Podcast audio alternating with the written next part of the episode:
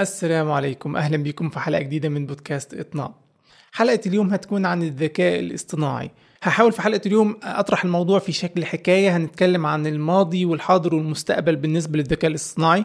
خلال حلقة اليوم هنجاوب على أسئلة مهمة زي مثلا يعني إيه ذكاء اصطناعي أصلا؟ وإيه الفرق بين برامج الذكاء الاصطناعي وبرامج الكمبيوتر العادية اللي إحنا بنستخدمها بقى لنا عشرات السنين إيه هي أنواع الذكاء الاصطناعي وتطبيقاته المختلفة إيه الفرق بين الذكاء الاصطناعي المحدود والعام والخارق هل هوجة الذكاء الاصطناعي الحالي مجرد ترند هياخد فترة معينة بعد كده ينتهي ولا هو حاجة هتأثر على حياتنا فعلا؟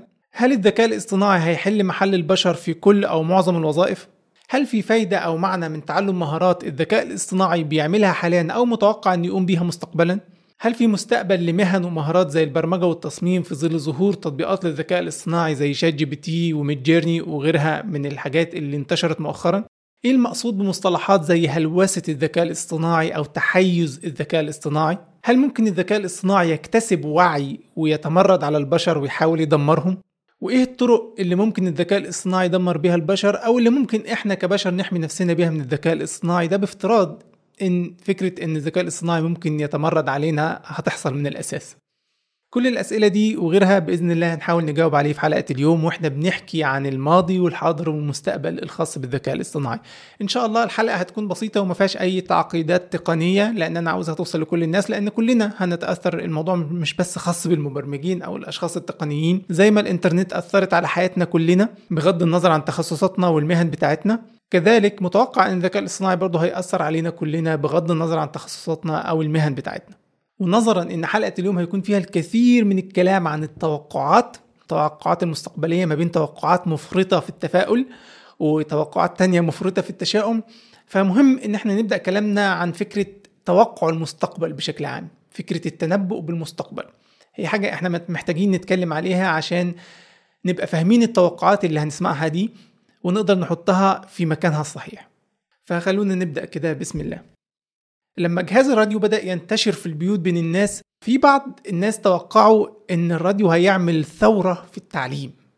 وجهة نظرهم كانت كالتالي أنا من خلال الراديو أقدر أبث محاضرات تعليمية في مواضيع كثيرة جدا. أي نعم بعض الموضوعات التعليمية ممكن يبقى صعب يعني شرحها بصيغة صوتية فقط لكن هناك الكثير جدا من فروع العلم اللي ممكن فعلا تتشرح بصيغة صوتية فقط.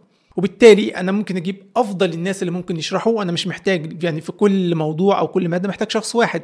على عكس المدارس المدارس أنت محتاج مدرس لل يعني مدرس أو أكتر في المدرسة الواحدة. في كل حي في كل مدينة شوف محتاج كم مدرسة في كل بلد شوف محتاج كم مدرسة.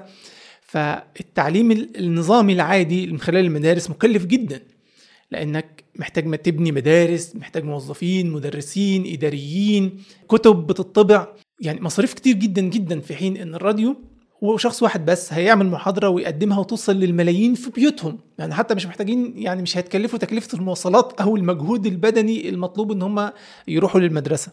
فأنت متخيل البوتنشال يعني متخيل فكرة إيه اللي ممكن يحصل لو إحنا بثينا في كل البيوت دي محاضرات تعليمية في الموضوعات المختلفة؟ إحنا نقدر نعلم الناس حاجات كتير جدا وبتكلفة قليلة جدا جدا جدا مقارنة بالتعليم النظامي.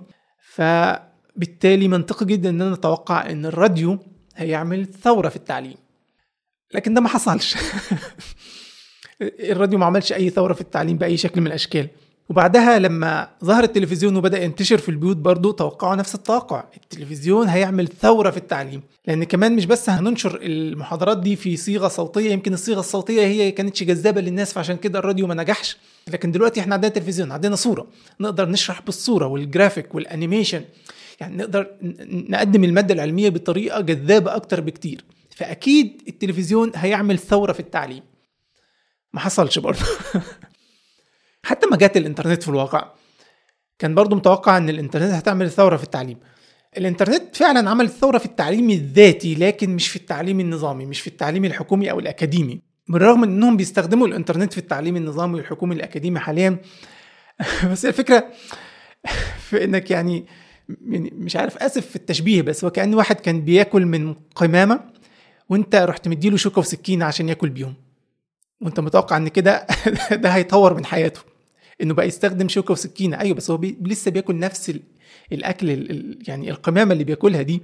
فأنت نفس المناهج العقيمة اللي أنت بتقدمها نفس طريقة الاختبارات العقيمة اللي أنت ملتزم بيها بس بتعمل ده من خلال آه إنترنت من خلال أجهزة كمبيوتر. فده مش هيعمل ثورة في التعليم النظامي ولا أي حاجة. لكن طبعا أكيد بالنسبة للتعليم الذاتي آه الإنترنت عملت ثورة في التعليم فعلا. بس السؤال هنا ليه التوقعات عن الراديو والتلفزيون فشلت؟ هنستكشف الموضوع ده بس خلونا نقول شوية توقعات تانية برضو من من الحاجات اللي الناس كانت بتتوقعها بخصوص التقنية بالذات. في واحد اسمه بول كروجمان ده اقتصادي حصل على نوبل في الاقتصاد.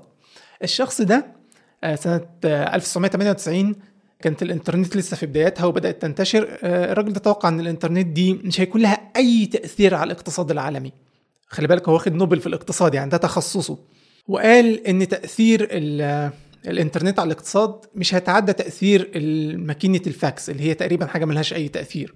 فكان بيسخر منها يعني بيسخر من الانترنت بالطريقة اللي هو إن هو يقول يعني إن هي تأثيرها لن يتعدى تأثير ال fax machine يعني. طبعا كلنا عارفين حاليا إن ده ما حصلش. آه، تأثير الانترنت على الاقتصاد ضخم جدا يعني. حجم التجارة الإلكترونية حاليا بيقدر يعني حاجة مش عارف 27 تريليون دولار ومتوقع خلال 10 سنين توصل 70 تريليون آه، تريليون دولار. وده أصلا يعني حتى بدون آه، ذكر تأثير الإنترنت على بعض أنواع التجارة الأخرى اللي هي ما بتتعب يعني الناس ما بتعتبرهاش تجارة إلكترونية لأن عملية الدفع ما بتتمش من خلال الإنترنت. في ناس كتير بتسوق لنفسها من خلال الإنترنت بس في النهاية أنت بتروح تشتري منهم بشكل تقليدي فهي ما تعتبرش تجارة إلكترونية. لكن أنت من غير الإنترنت ما كنتش هتعرفهم. وبالتالي يعني حتى خارج نطاق ال 27 تريليون دولار تأثير الإنترنت كبير على الاقتصاد. فتخيل ده توقع شخص معاه نوبل في الاقتصاد. وحتى لو اتكلمنا عن توقعات بخصوص الذكاء الاصطناعي كان في مثلا في الخمسينات يعني متهيألي سنة 57 كان في بعض المتخصصين توقعوا إن خلال 10 سنين هيبقى في ماكينة تقدر تهزم أي إنسان في لعبة الشطرنج، ده ما حصلش غير سنة 97 لما كمبيوتر اسمه ديب بلو عملته اي بي ام قدر يهزم جاري كاسباروف، وهنتكلم عن الموضوع ده ببعض التفصيل بعد شوية. فبالتالي هو كان متوقع إن ده هيحصل بعد 10 سنين هو حصل فعلا بس بعد 40 سنة. في السبعينات كان في البعض بيتوقع إن إحنا على أواخر السبعينات هنقدر يبقى عندنا ماكينة بتحاكي المخ البشري هتبقى خلاص يعني بتفكر زيها زي مخ الإنسان. طبعا ده ما حصلش حتى الآن يعني إحنا إحنا تخطينا يعني مثلا إحنا بنتكلم إيه 50 سنة بعد التوقع ده أو أكتر حتى من 50 سنة ولسه إيه ده ما حصلش. وفي ناس كتير بتشكك إنه هيحصل أصلا. ده بخصوص بعض التوقعات الخاصة بالذكاء الاصطناعي. طبعا الأمور التقنية بالذات فيها كمية توقعات كتيرة جدا. يعني مثلا بالنسبة لل nuclear fusion الاندماج النووي آه، بعد ما ما البشر نجحوا في آه، تنفيذ فكرة الانشطار النووي سواء من خلال القنبلة النووية أو عمل مفاعل نووي كان المفاعل أول مفاعل نووي اشتغل كان تقريبا في منتصف الخمسينات. فكان التوقع وقتها إن إحنا قبل الخمسينات ما تنتهي هنكون برضو اتقنا فكرة الاندماج النووي. الاندماج النووي هو عكس الانشطار النووي. الانشطار النووي أنت بتجيب ذرة بتضربها بجزيء معين أو ب particle معين يعني بتنشطر وبيطلع قدر من الطاقة. ولو العملية دي تكررت بيطلع قدر كبير من الطاقة وده اللي ممكن تستخدمه في عمل قنبلة مدمرة أو تستخدمه في توليد الطاقة يعني في مفاعل نووي. الاندماج النووي العكس إن أنت بتحاول بدل ما أنت تقسم ذرة لاثنين أنت بتحاول تدمج ذرتين في ذرة واحدة. يعني مثلا هتدمج ذرتين هيدروجين مع بعض عشان تعمل ذرة هيليوم بس بعد ما تدمجهم بيطلع برضو قدر من الطاقة. انت تقدر تستغل القدر ده في انك تخزن الطاقة دي أو تستخدمها في يعني إيه في توليد الطاقة عامة زي بالظبط المفاعل النووي. الفرق ان تقنية الاندماج النووي افضل بمراحل من تقنية الانشطار النووي في توليد الطاقة. اولا لأن هي بتولد طاقة أكبر بكتير أضعاف ثلاث أو أربع مرات أو أكتر من الانشطار النووي. ثانيا ما بينتجش عنها مخلفات مشعة مضرة بالإنسان زي اللي بينتج عن المفاعلات النووية الحالية. وغير كده إن هي آمنة عامة يعني لو حصل فيها خلل غالبا بتبقى آمنة مش زي الكوارث اللي حصلت مع المفاعلات النووية آه، المعروفة لما يحصل فيها تسريب معين في مناطق كاملة يعني الحياة بتنتهي فيها لفترة طويلة من الزمن. المهم يعني إن تقنية الاندماج النووي دي بيتم التبشير بيها من الخمسينات في القرن الماضي يعني من 70 سنة تقريبا كل 10 سنين يقول لك هي خلاص هتنجح هنلاقيها هتبقى موجودة ونستفيد منها خلال ال 10 سنين الجايين. العشر سنين الجايين يعدوا واللي بعدها العشر سنين اللي بعدهم واللي بعدهم. وحتى الآن ما زلنا برضو في توقعات إن خلال العشر سنين القادمة هننجح في آه، فعلا فك شفرة آه، تقنية الاندماج النووي وإن إحنا نبدأ نستخدمها فعلا. والله أعلم التأجيل ده هيستمر لغاية إمتى. وفي ناس بدأت تيأس وتقول إن إحنا ربما مش هنقدر ابدا إن إحنا نسيطر على التقنية دي. المهم لو رجعت لسؤال ليه التوقعات دي بتفشل حتى وإن كان بعضها يبدو إنه منطقي جدا. يعني مثلا زي توقع الراديو والتلفزيون ان هم يعملوا ثورة في التعليم لو فكرت فيها فعلا أنت تقدر تعمل محاضرات تعليمية والناس كلها عندها تلفزيون في البيت فليه ده ما حصلش؟ التوقع أحيانا ما بيحصلش لأسباب كثيرة جدا لأن المتغيرات في المستقبل عامة أكبر من قدرة الإنسان على إنه يعني إيه يحصرها. أحيانا لأن محدش أصلا بيحاول يعمل الشيء اللي أنت توقعته ده يعني محدش حاول يستثمر قدر كبير من المال والوقت والجهد في إن هو آه، يعمل ثورة في التعليم من خلال الراديو. الناس كان عندها اهتمامات تانية كانوا شايفين إن الأغاني والأخبار أهم 100 مرة من التعليم لأن التعليم محتاج مجهود إنما لو عملت أغاني وأخبار والله لقينا الناس بتتابع أكتر والناس عايزة ده أكتر وبالتالي أنا أقدر أستثمر في ده وأجني منه أرباح بشكل أكبر. يعني طبيعي الناس الناس تستحمل تشوف إعلانات وسط الأغاني والأفلام والحاجات الترفيهية والإعلانات مصدر تمويل أساسي للقنوات التلفزيونية وما إلى ذلك وحتى الراديو. فده اللي نجح في حين إن التعليم محتاج تركيز وبذل مجهود. فاهمني؟ فما فيش إقبال كبير عليه. فبالتالي ما فيش استثمار تام في الموضوع ده بشكل يؤدي لنجاحه. فأحيانا بيبقى السبب ببساطة إن إحنا بنتوقع شيء في المستقبل بس ببساطة ما حدش بيحاول يعمله أصلا لأنه مش مربح فما بينجحش. أحيانا أخرى بيبقى التقنية دي آه يعني أثرها الإيجابي موجود وقوي وتقدر تستغله كل حاجة بس أثرها السلبي أكبر بكتير. وهو اللي مناسب لطبيعة الثقافة المنتشرة حاليا. يعني لو انت بصيت للموبايل اللي معانا في ايدينا دلوقتي دي لو انت في السبعينات أو الثمانينات جبت حد جبت مجموعة من العلماء كده ولا المثقفين ولا حتى قلت لكل البشر يعني يا جماعة في مثلا بعد 30 سنة تقريبا كل شخص في على الكوكب هيبقى في جيبه كمبيوتر يقدر يوصل بيه لأي معلومة يقدر يقرأ من خلاله أي كتاب يقدر من خلاله يشوف أي محاضرة تعليمية. تخيل التاثير ده هيكون إيه؟ الناس هتتوقع إن أنت هتبقى عايش بقى إيه يعني؟ ده هيبقى سكان الكرة الأرضية كلهم مثقفين وعندهم علم كبير وهيحصل تطور رهيب. يعني في مستوى الثقافة ومستوى العلوم يعني. لكن اللي حصل إن الموبايل إحنا استخدمناه استخدامات تانية أكتر بكتير من استخدامه كوسيلة للتعلم يعني. آه، استخدامات تانية مضرة في الغالب أو جزء كبير منها مضر أو حتى مش مضر بس هو بعيد عن عن التعليم عامة. استخدامه في التجارة مثلا ما هو ده برضه تأثير إيجابي وكل حاجة بس مش هو الاستخدام اللي إحنا متوقعين إن هو يرفع مستوى ثقافة الناس وعلمهم ويخلي الناس تعاملاتهم مع بعض تكون أفضل بالعكس الإنترنت خلت التعاملات أسوأ بشكل كبير باكتر من شكل التخفي وراء جهاز كمبيوتر خلى كثير من الناس تطلع أسوأ ما فيها أصلا. فمهم تفهم إن كثير من التوقعات بخصوص التقنية بالذات ما بيتحققش مش شرط لأن التقنية مش قادرة على تحقيق ذلك لكن إن الاستخدامات الأخرى للتقنية أو إن البشر في النهاية بيستخدموا التقنية لإشباع أهوائهم بشكل عام مش للهدف الإيجابي النظري اللي أنت بتتوقعه.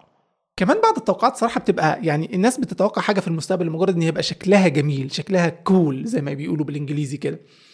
يعني حاجة لو فكرت فيها زي مثلا السيارات الطائرة إن العربية تكون بتطير.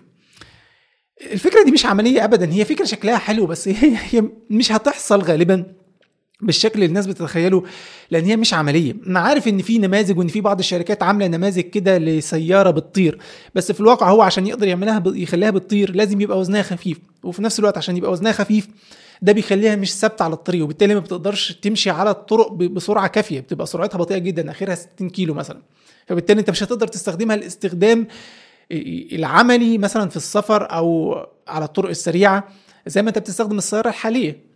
فانت ببساطة ما بتحاول تدمج حاجتين في بعض اللي هي عاوزها بتطير وعاوزها في نفس الوقت تبقى سيارة انت بتخسر من الطرفين. لا هي بتبقى طيارة كويسة ولا هي بتبقى سيارة كويسة. ده غير طبعا فكرة إن السيارات الطائرة دي محتاجة بنية تحتية رهيبة مكلفة جدا بدون داعي. يعني إيه الداعي إن إحنا وبعدين ما أنت لو تقدر تعمل مركبة بتطير ليه هتمشي بيها على الأرض أصلا؟ ما إحنا بالفعل عملنا ده وعشان كده اسمها طيارة. في ناس في اللقب بيقولوا إحنا خلاص يا جماعة إحنا اخترعنا بالفعل السيارات الطائرة.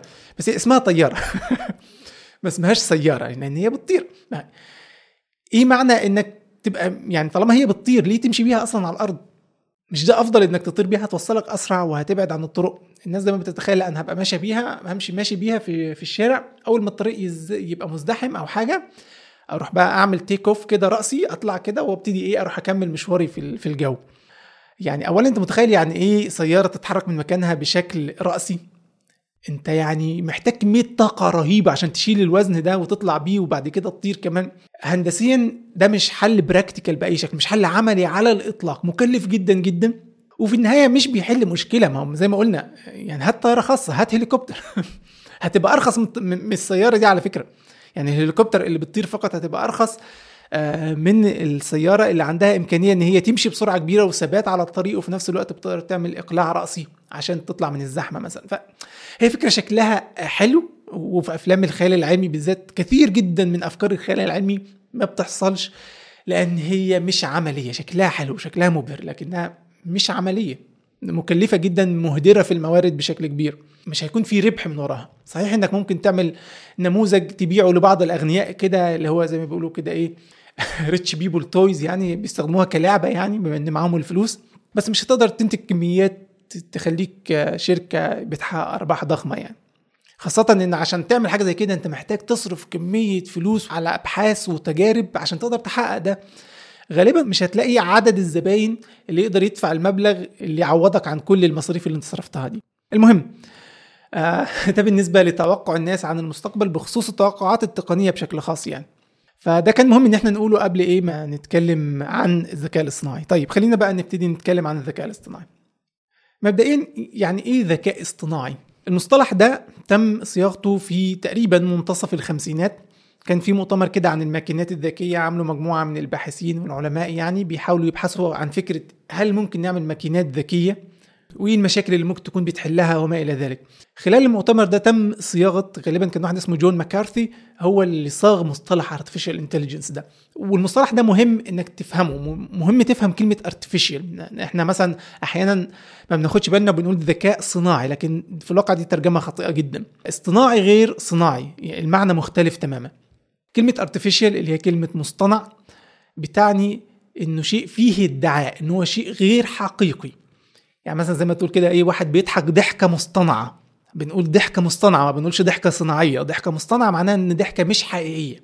أو إنك تقول إن الشخص ده شخص مصطنع بمعنى إن هو إيه بيحاول يظهر بشخصية مش شخصيته الحقيقية. كذلك حتى كلمة ارتفيشال في الإنجليزي دايما مثلا تلاقي الزرع البلاستيك اللي هو زي الزرعة دي كده. آه، الناس طبعا اللي بتسمع مش هتشوف الزرعة بس يعني في زرع بلاستيك جنبي على المكتب. آه، بيسموه artificial plants ليه؟ لأن هي هدفها إن هي تظهر وكأنها زرعة حقيقية. بس هي غير حقيقية. المعنى ده مهم. المعنى ده مهم وإحنا لاحقا وإحنا بنتكلم عن فكرة الوعي وهل الذكاء الاصطناعي ممكن يكتسب وعي وما إلى ذلك. والمصطلح ده حاليا عامل إزعاج لبعض الناس اللي هم يعني الأشخاص الماديين اللي هم مش مؤمنين بإن الإنسان ده مخلوق مميز بأي شكل أو إن في روح أو إن في شيء وراء الماديات. وعايزين يخلوا أو يعني إيه منزعجين إن إحنا بنعتبر ذكاء الآلة أو ذكاء الكمبيوتر ده ذكاء غير حقيقي. هم شايفين إن هو المفروض ما يكونش في فرق بينه وبين ذكاء الإنسان وهنتكلم عن ده بالتفصيل بعد شوية. المهم يعني إن مصطلح ذكاء اصطناعي معناه إنه ذكاء مدعى ذكاء غير حقيقي. فخلي المعنى ده في دماغك. وكمان عشان لما تيجي تستخدم الكلمة تذكر إنك تستخدم كلمة اصطناعي مش صناعي. صناعي معناها اندستر أو شيء مصنوع يعني مش نفس المعنى. هي هي معناها مختلف خالص. وحتى أنا لو نسيت وأنا بتكلم كده وقلت صناعي فأعرف إن أنا غلطت. ماشي؟ ان المعنى المصطلح الأصح هو اصطناعي. طيب في الوقت ده أصلا كانت فكرة الذكاء الاصطناعي أو الماكينات الذكية كانت عبارة عن إيه؟ عبارة عن نقل الذكاء البشري للماكينة. بمعنى إن الإنسان هو اللي يفكر وهو اللي يضع خطة للحل. يعني لو إحنا عايزين نعمل برنامج يلعب شطرنج مثلا. فالإنسان هو اللي بيفكر إيه إزاي ممكن يلعب الشطرنج إمتى يختار النقلة المعينة ويحط خطة لده وبعد كده يكتب الخطوات دي اللي إحنا بنسميها في البرمجة الجوريزم اللي هو مجموعة من الخطوات توصلك للنتيجة المرغوبة وبعد كده الماكينة بتنفذ الخطوات دي. بمعنى إن الماكينة ما بتفكرش. النوع ده من الذكاء الاصطناعي بيسموه حاليا البعض بيسميه الذكاء الاصطناعي التقليدي والبعض بيسميه بالإنجليزي symbolic AI اللي هو الذكاء الاصطناعي الرمزي وناس تانية بتسميه rule based AI أو ذكاء اصطناعي معتمد على مجموعة من القوانين والقواعد اللي هي القواعد اللي البشر بيحطوها والماكينة بعد كده بتلتزم بيها. فيعني مثلا لو إحنا كنا عاوزين نعمل برنامج شطرنج يلعب شطرنج. فإحنا اولا بنبرمج قوانين اللعبة بنكتب إيه اللي ينفع وإيه اللي ما ينفعش إيه إيه اللعبة اللي هي قانونية واللعبة اللي مش قانونية. وإزاي البرنامج يقيم رقعة الشطرنج يعني إزاي يعرف إذا كان الوضع ده أفضل مثلا للأبيض أو للأسود اللي هما الاثنين اللاعبين اللي بيلعبوا ضد بعض. أنهي لعبة أفضل أنهي لعبة تحقق أكبر مكسب ممكن للاعب. الأسئلة دي البشر هم اللي كانوا بيجاوبوا عليها البشر هم اللي بيحاولوا يحسبوها. ففي الواقع كان في حاجة اسمها نوليدج انجينير اللي هو مهندس معرفة ما أعرفش ممكن يبقى ترجمتها إيه. اللي هو المهندس اللي مهمته يقعد مع أهل الاختصاص في الحالة اللي عندنا دي هي لعيبة الشطرنج ويحاول يفهم منهم المطلوب عمله مثلا عشان أقدر أخلي البرنامج بتاعي يلعب أفضل لعبة ممكنة أو يحرك أفضل قطعة ممكنة. فبيحاول يفهم منهم بعد كده يحول ده لأكواد برمجية اللي هي الجوريزم يعني بعد كده المبرمجين ينفذوه. فده كان حلقة الوصل بين أهل التخصص وبين المبرمجين اللي بينفذوا البرنامج الذكاء الاصطناعي. مثلا لو هنعمل برنامج يحاول يشخص المرض بناء على الأعراض. يعني مريض هيكتب الأعراض اللي عنده في برنامج الكمبيوتر بعد كده البرنامج ده يحاول يقول له أنت مريض عندك إيه يعني؟ فده كان بيتطلب إن إحنا نضع كم كبير من القواعد اللي هي اللي هي عشان كده بيسموه نولج بيز اي اي إن أنا بحط بيسموها قواعد معرفية وأحاول إن أنا أقارن اللي بيدخله المستخدم ب القواعد اللي عندي دي اللي هو لو واحد عنده سخونية فده احتمال يكون مرض كذا وكذا وكذا وكذا بس لو السخونية دي معاها كذا مثلا رشح في الأنف ده يبقى أنا بيخليني أستبعد بعض الأمراض وبرجح أمراض تانية. لو كان معاها عرض تاني وهكذا. وممكن البرنامج يبتدي يسأل أسئلة عشان خاطر يبتدي إيه يستكشف معلومات جديدة يقدر يفلتر بيها المرض الممكن في النهاية. في النهاية ده كان بيتم ببرمجة شرطية يعني لو كان عنده كذا اعمل كذا عشان ده اللي بيعملوه البشر. ده اللي البشر دي الطريقة اللي بيفكر بيها البشر. وإحنا بنقول إن البشر هم اللي بيفكروا وبعد كده بينقلوا التفكير ده آه، مكتوب في مجموعة من الخطوات بلغة برمجة للماكينة تنفذه. فالأسلوب ده في الذكاء الاصطناعي هو اللي كان منتشر وهو اللي مسيطر لفترة طويلة جدا. يمكن لو قلنا لغاية سنة 2010 يعني لسه قريب مش من بعيد نتكلم من من 13 سنة مثلا كان تقريبا هو النوع المسيطر تماما. والكمبيوتر اللي قدر يهزم بطل العالم في الشطرنج اللي هو جاري كاسباروف كان كمبيوتر عملته شركة اي بي ام عبارة عن system اللي هو ماكينة معاها برنامج جهاز كمبيوتر يعني آه، معاه software معمول مخصوص عشان خاطر يلعب لعبة الشطرنج دي بكفاءة عالية جدا. كانت قدراته كبيرة جدا لأن أنت بتحتاج كمية حسابات ضخمة جدا. وده اللي بيميز الماكينة عن البشر عموما الإنسان ممكن يحط مجموعة خطوات بس لو هو حاول ينفذها بنفسه لو هو حاول يحسبها بنفسه بياخد وقت طويل جدا في حين إن الماكينة طالما إن الخطوات معروفة والحسابات معروفة بتحسبها بشكل سريع جدا جدا. وعشان كده إحنا بننقل ذكائنا للماكينة عشان خاطر هي تقدر تحسب الحاجات دي بشكل أسرع. فتوفر وقتنا. بس في النهاية إحنا اللي فكرنا. ولو اتضح إن في غلطة في البرنامج فإحنا عادة بنرجع للطريقة اللي إحنا فكرنا بيها لل algorithm اللي إحنا كتبناه الخطوات اللي إحنا كتبناها عشان نستكشف الغلطة كانت فين بالظبط. ونحاول نصلحها. ديب بلو بدأ تطويره سنة 85 وما نجحش في إنه يهزم جاري كاسباروف غير سنة 97 يعني بعد 12 سنة وبعد خمس محاولات يعني هم اتقابلوا في خمس مرات أربع مرات منهم جاري كاسباروف هو اللي كسب هو اللي انتصر يعني على الآلة على الماكينة وفي المرة الأخيرة ديب بلو قدر ينتصر ولعبوا مع بعض تقريبا ست مباريات. آه، ديب بلو كسب ثلاثة وجاري كاسباروف كسب اثنين وتعادلوا في مباراة منهم. المهم يعني النتيجة المحصلة النهائية إن ديب بلو هو اللي يعتبر كسب في التحدي ده. ووقتها ناس كتير اعتبرته بقى إن دي يعني إيه بداية ثورة جديدة وعصر جديد للذكاء الاصطناعي. وخلاص الماكينة قهرت الإنسان وقهرت ذكاء الإنسان. لكن المشكلة كانت في إن يعني أنت قعدت 12 سنة بتطور في برنامج عشان يهزم الإنسان في الشطرنج. وفي النهاية البرنامج ده ما بيعملش غير إنه بيلعب شطرنج. ما يعرفش يعمل أي حاجة تانية ولا حتى عمليات حسابية بسيطة لأن دي هو هو مش متبرمج على كده. وده بنسميه إيه؟ بنسميه نوع من الذكاء الاصطناعي بنسميه ذكاء اصطناعي محدود. بمعنى إن أنت بتعمل برنامج ذكاء اصطناعي بيعمل حاجة واحدة بس. ذكاء اصطناعي بيلعب شطرنج ذكاء اصطناعي بيلعب طاولة ذكاء اصطناعي يقدر يجيب لك أقصر طريق على الخريطة أو يرسم لك الطريق من النقطة اللي أنت فيها للنقطة اللي أنت عاوز توصل لها. أو برنامج ذكاء اصطناعي بيحاول يشخص مرض معين تكتب له أعراض معينة يسألك أسئلة معينة وفي الآخر يحاول يشخصك هل أنت مريض بالمرض ده ولا لأ مثلا. المهم إن هو بيعمل حاجة واحدة بس إن هو يشخص المرض الفلاني أو يشخص مجموعة أمراض في النهاية هو نطاق عمله محدود جدا. وده مختلف عن الذكاء البشري لأن الذكاء البشري ممكن تلاقي طبيب عادي بيعرف يشخص الناس في المرض بيعرف نفس الوقت يسوق عربية وبيعرف يلعب شطرنج بيعرف يلعب طاولة.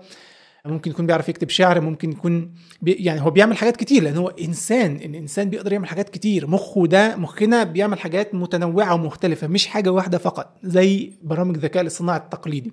وعشان كده من يعني من السبعينات تقريبا وفي ناس بتحاول توجد طرق تانية للذكاء الاصطناعي غير فكرة إن أنا أنقل الذكاء البشري للآلة. ليه؟ هم شايفين إن في مشاكل في الذكاء الاصطناعي التقليدي. فكرة إن أنا أقعد أفكر كإنسان وأكتب الخطوات بعد كده أديها للماكينة ده مش هيوصلنا يعني رغم إن له نتائج قوية جدا وجميلة جدا بس ده مش هيوصلنا للهدف المرجو في المستقبلا اللي هو فكرة الذكاء الاصطناعي العام. وخلينا هنا طيب نتكلم عن أنواع الذكاء الاصطناعي قبل ما نتكلم عن الناس التانية دي إيه الحل اللي قدمته يعني. قلنا إن في نوع اسمه الذكاء الاصطناعي المحدود اسمه artificial narrow intelligence كلمة نارو معناها ضيق أو محدود. في بقى مستوى تاني بنسميه الذكاء الاصطناعي العام artificial general intelligence. وحتى الآن ده لم يتحقق ما وصلنالوش لسه. وفي ناس بتقول مش هنوصل له بس في ناس كتير متفائلة بسبب إيه؟ التطويرات والتحديثات اللي حصلت مؤخرا إن إحنا إيه؟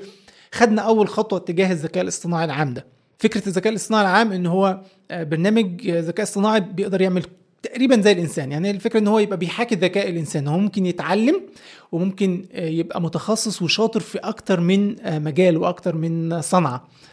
يقدر يشخص أمراض يقدر يلعب شطرنج يقدر يحل معادلات تفاضل وتكامل يقدر يعمل تركيبات كيميائية يقدر يعمل أي حاجة.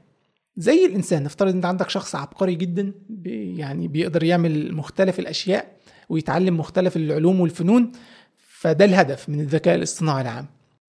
في بقى مستوى ذكاء تاني بيسموه مستوى الذكاء الاصطناعي الخارق artificial super intelligence. وده حاجة تفوق المفروض هم يعني بيقولوا إن ده هيبقى حاجة تفوق ذكاء الإنسان. وده لما نوصله هنوصل لحاجة كده اسمها سنجولاريتي هنتكلم عليها لما نيجي نتكلم على جزئية جنة الذكاء الاصطناعي. المهم لو أنت قلت طب أنا عايز أنتقل من مرحلة الذكاء الاصطناعي المحدود ده لمرحلة الذكاء الاصطناعي العام. باستخدام الذكاء الاصطناعي التقليدي نقدر نوصله إزاي؟ صعب جدا مش هتقدر توصل برامج الذكاء الاصطناعي التقليدي انت عاوز تعمل برنامج في مجال علم معين بتقعد تدرس المجال ده سنين زي ما قلنا كده مثلا في لعبة الشطرنج خدوا 12 سنة يحاولوا يتقنوا لعبة الشطرنج ويعملوا لها برنامج مخصوص وكمبيوتر مخصوص عشان يقدروا يعملوها. ما بالك بقى بآلاف إن لم يكن ملايين التخصصات والفروع والعلوم الأخرى في الحياة. لو جبنا مجموعة من أفضل المهندسين والمبرمجين عشان يقعدوا يدرسوا كل التخصص ده وفي النهاية أنت مش ضامن حتى لو نجحت في ده مش ضامن إنك تعرف في الآخر تدمج ده كله في بعضه هتدمجه إزاي مع بعض؟ عشان في الآخر تعمل برنامج كمبيوتر يقدر يعمل كل حاجة تقريبا. صعب جدا. عمليا غير ممكن إنك تحاول تربط الحاجات دي مع بعض بعدين. فبالتالي كان واضح إن الذكاء الاصطناعي التقليدي ده رغم إنه بيحقق نجاحات الا إنه مش هيوصلنا للهدف المرجو إن إحنا نعمل إيه بقى؟ اللي هو برنامج كمبيوتر يبقى بنفس مستوى ذكاء الانسان يعني. ومش وما أقول مستوى ذكاء الانسان مش قصدي مستوى الذكاء اللي هي درجة الذكاء لا نقصد طبيعة الذكاء نفسها اللي هو التنوع إن هو يقدر يعمل أكتر من حاجة في نفس الوقت. إن يبقى في تفكير نقدي يبقى عندك حدس تقدر تفهم ما نسميه إحنا الكومن سنس يعني الحاجات البديهية دي تقدر تفهمها بسهولة. كان واضح إن الذكاء الاصطناعي التقليدي ده مش مش هيوصلنا لكده خالص. كمان سبب مهم آخر هو إن في بعض المشكلات إحنا مش عارفين نحلها بالذكاء الاصطناعي التقليدي ده أصلا. إحنا فعليا مش عارفين نحلها مش عارفين نكتب لها الجوريزم يعني مثلا فكرة التعرف على الصور إنك تشوف صورة وتقول مثلا الصورة دي فيها قطة أو فيها طفل أو فيها سيارة. أنت كمبرمج كمهندس ما تقدرش تكتب الجوريزم مجموعة من الخطوات تقدر تعرف بيه محتوى الصورة دي إيه. للكمبيوتر يعني بحيث الماكينة بعد كده تقدر تنفذه وتعرف الماكينة دي. إنك تديها الصورة دي تعرف هي محتواها إيه بالظبط. ليه؟ اولا ملف الصورة ده مثلا هو هو متخزن إزاي في الكمبيوتر؟ لو بصيت على ملف الصورة اللي عندك ده الكمبيوتر ما بيعرفش محتواه إيه بالظبط. بالنسبة للكمبيوتر ده مجرد مجموعة من الأرقام. الصورة عبارة عن مجموعة من النقاط الصغيرة اللي بنسميها pixels كل نقطة متخزنة كمجموعة من الأرقام اللي هي درجات الألوان اللي بتكون اللون النهائي للنقطة دي يعني للبيكسل دي وترتيبها في الصورة. يعني النقطة دي مكانها فين بالظبط في الصورة. فدي كلها أرقام. أنت لو فتحت لو هتشوف الملف زي ما الكمبيوتر بيشوفه تخيل قدامك حيطة مثلا مليانه أرقام أرقام كتيرة جدا صغيرة. ومفيش غير أرقام. لو أنا وريتك حيطة كلها أرقام فقط لا غير وقلت لك تقدر تستنتج الصورة اللي بتمثلها الأرقام دي مستحيل. بالنسبة للكمبيوتر هي مجموعة أرقام وهو مش محتاج أكتر من كده عشان يقدر يعرض لك الصورة دي على الشاشة أو عشان يقدر يخزنها أو عشان يقدر يعمل عليها بعض العمليات يعني يضغطها أو يحذفها أو يعمل منها نسخة. هو مش محتاج مش محتاج يعرف محتواها عشان يعمل كل العمليات دي اللي إحنا بنعملها على الصور عادة. وكمان تخيل إن أنت لو أنت عندك صورة فعلا مثلا صورة قطة وانت خدت نفس الصورة دي كل اللي عملته إن أنت زودت السطوع بتاع الصورة شوية يعني خليت الألوان زاهية شوية مثلا. بالنسبة للكمبيوتر ده أصبحت ملف تاني خالص دي أصبحت صورة تانية خالص صورة مختلفة تماما. ليه؟ لأن الأرقام اتغيرت. فهو بالنسبة له محتوى الملف ده مختلف عن محتوى الملف ده وبالتالي هي صورة مختلفة في حين ان هي نفس الصورة إحنا بس غيرنا درجة سطوع الألوان ليس إلا. وبالتالي أنا كمبرمج إزاي أقدر أقول للكمبيوتر تقدر تاخد الأرقام دي وتعرف إن محتواها إيه؟ محتواها إيه؟ فيها خروف فيها قطة فيها كرسي فيها كلب فيها إيه بالظبط الصورة دي؟ صعب باستخدام الذكاء الاصطناعي التقليدي. هتقول له إيه؟ هتقول إيه لو لقيت عينين ما هو كلمة عينين دي أنا أعرف منين إنها عينين؟ هو بالنسبة له مفيش عينين هو بالنسبة له في أرقام. اللي أقدر أعمله إن أنا أجمع أرقام أضرب أرقام أطرح أرقام ده اللي أنا أقدر أعمله ككمبيوتر كماكينة. فأنت من خلال العمليات دي تقدر بقى توصلني إزاي أستنتج محتوى الصورة دي؟ باستخدام الذكاء الاصطناعي التقليدي ده غير ممكن. هو الغريب إن إيه؟ يعني أصعب حاجات الكمبيوتر ما بيعرفش يعملها هي الحاجات اللي إحنا بنعملها بدون تفكير. انت متخيل؟ أصعب حاجات على الذكاء الاصطناعي هو الحاجات اللي إحنا بنعتبر نفسنا مش محتاجين ذكاء عشان نعملها. الحاجات اللي هي بالنسبة لنا بنسميها حدس أو بداهة. بتشوف انت بتشوف صورة بتشوف قطة بتعرف إنها قطة تلقائي بدون تفكير. لكن الكمبيوتر ما عندوش ما, ما, ما فيش القدرة دي. لأنه في النهاية هو مجرد آلة هو مجرد أداة. هو هو نفسه ما بيفكرش ولا بيفهم. وعلى فكرة طوال الحلقة دي لو سمعتني بقول كلمة يفهم يقدر ده يعني لفظ مجازي. الكمبيوتر مجرد في النهاية انت لغة البرمجة بتتحول للغة باينري اللي هي صفر وواحد والصفر بيتحول لتيار بدرجة معينة تيار كهربائي بدرجة معينة والواحد بيتحول لتيار كهربائي بدرجة معينة. يعني في النهاية الكمبيوتر ده عبارة عن كهرباء ماشية في سلك. فما فيش يفهم أو يستوعب أو يفكر الكلمات دي إحنا بنستخدمها مجازا. المهم فبقى إحنا دلوقتي عندنا مشاكل ما بنعرفش نحلها باستخدام الذكاء الاصطناعي التقليدي ده إن إحنا نكتب الجوريزم مجموعه من الخطوات بأدوات شرطية لو كان كذا أعمل كذا أو لو كان كذا أعمل كذا. في حاجات في مشكلات ما بنعرفش نحلها بالطريقة دي. وفي نفس الوقت الذكاء الاصطناعي التقليدي مش هيوصلنا للذكاء الاصطناعي العام اللي إحنا عاوزين نوصل له. وإن هو يبقى عندنا برنامج بيعمل كل حاجة تقريبا بيفكر بيفكر آه، في كل أنواع المشكلات ويقدر يحلها وما إلى ذلك. ففي ناس قالوا طيب طيب سيبنا بقى من الذكاء الاصطناعي التقليدي ده وكتابة الالجوريزم خلينا نفكر في طريقة تانية. خلينا نفكر مش إحنا عاوزين نعمل برنامج ذكاء اصطناعي يبقى شبه الإنسان؟ طب هو الإنسان بيفكر إزاي؟ تعالوا نشوف الإنسان بيعمل إيه.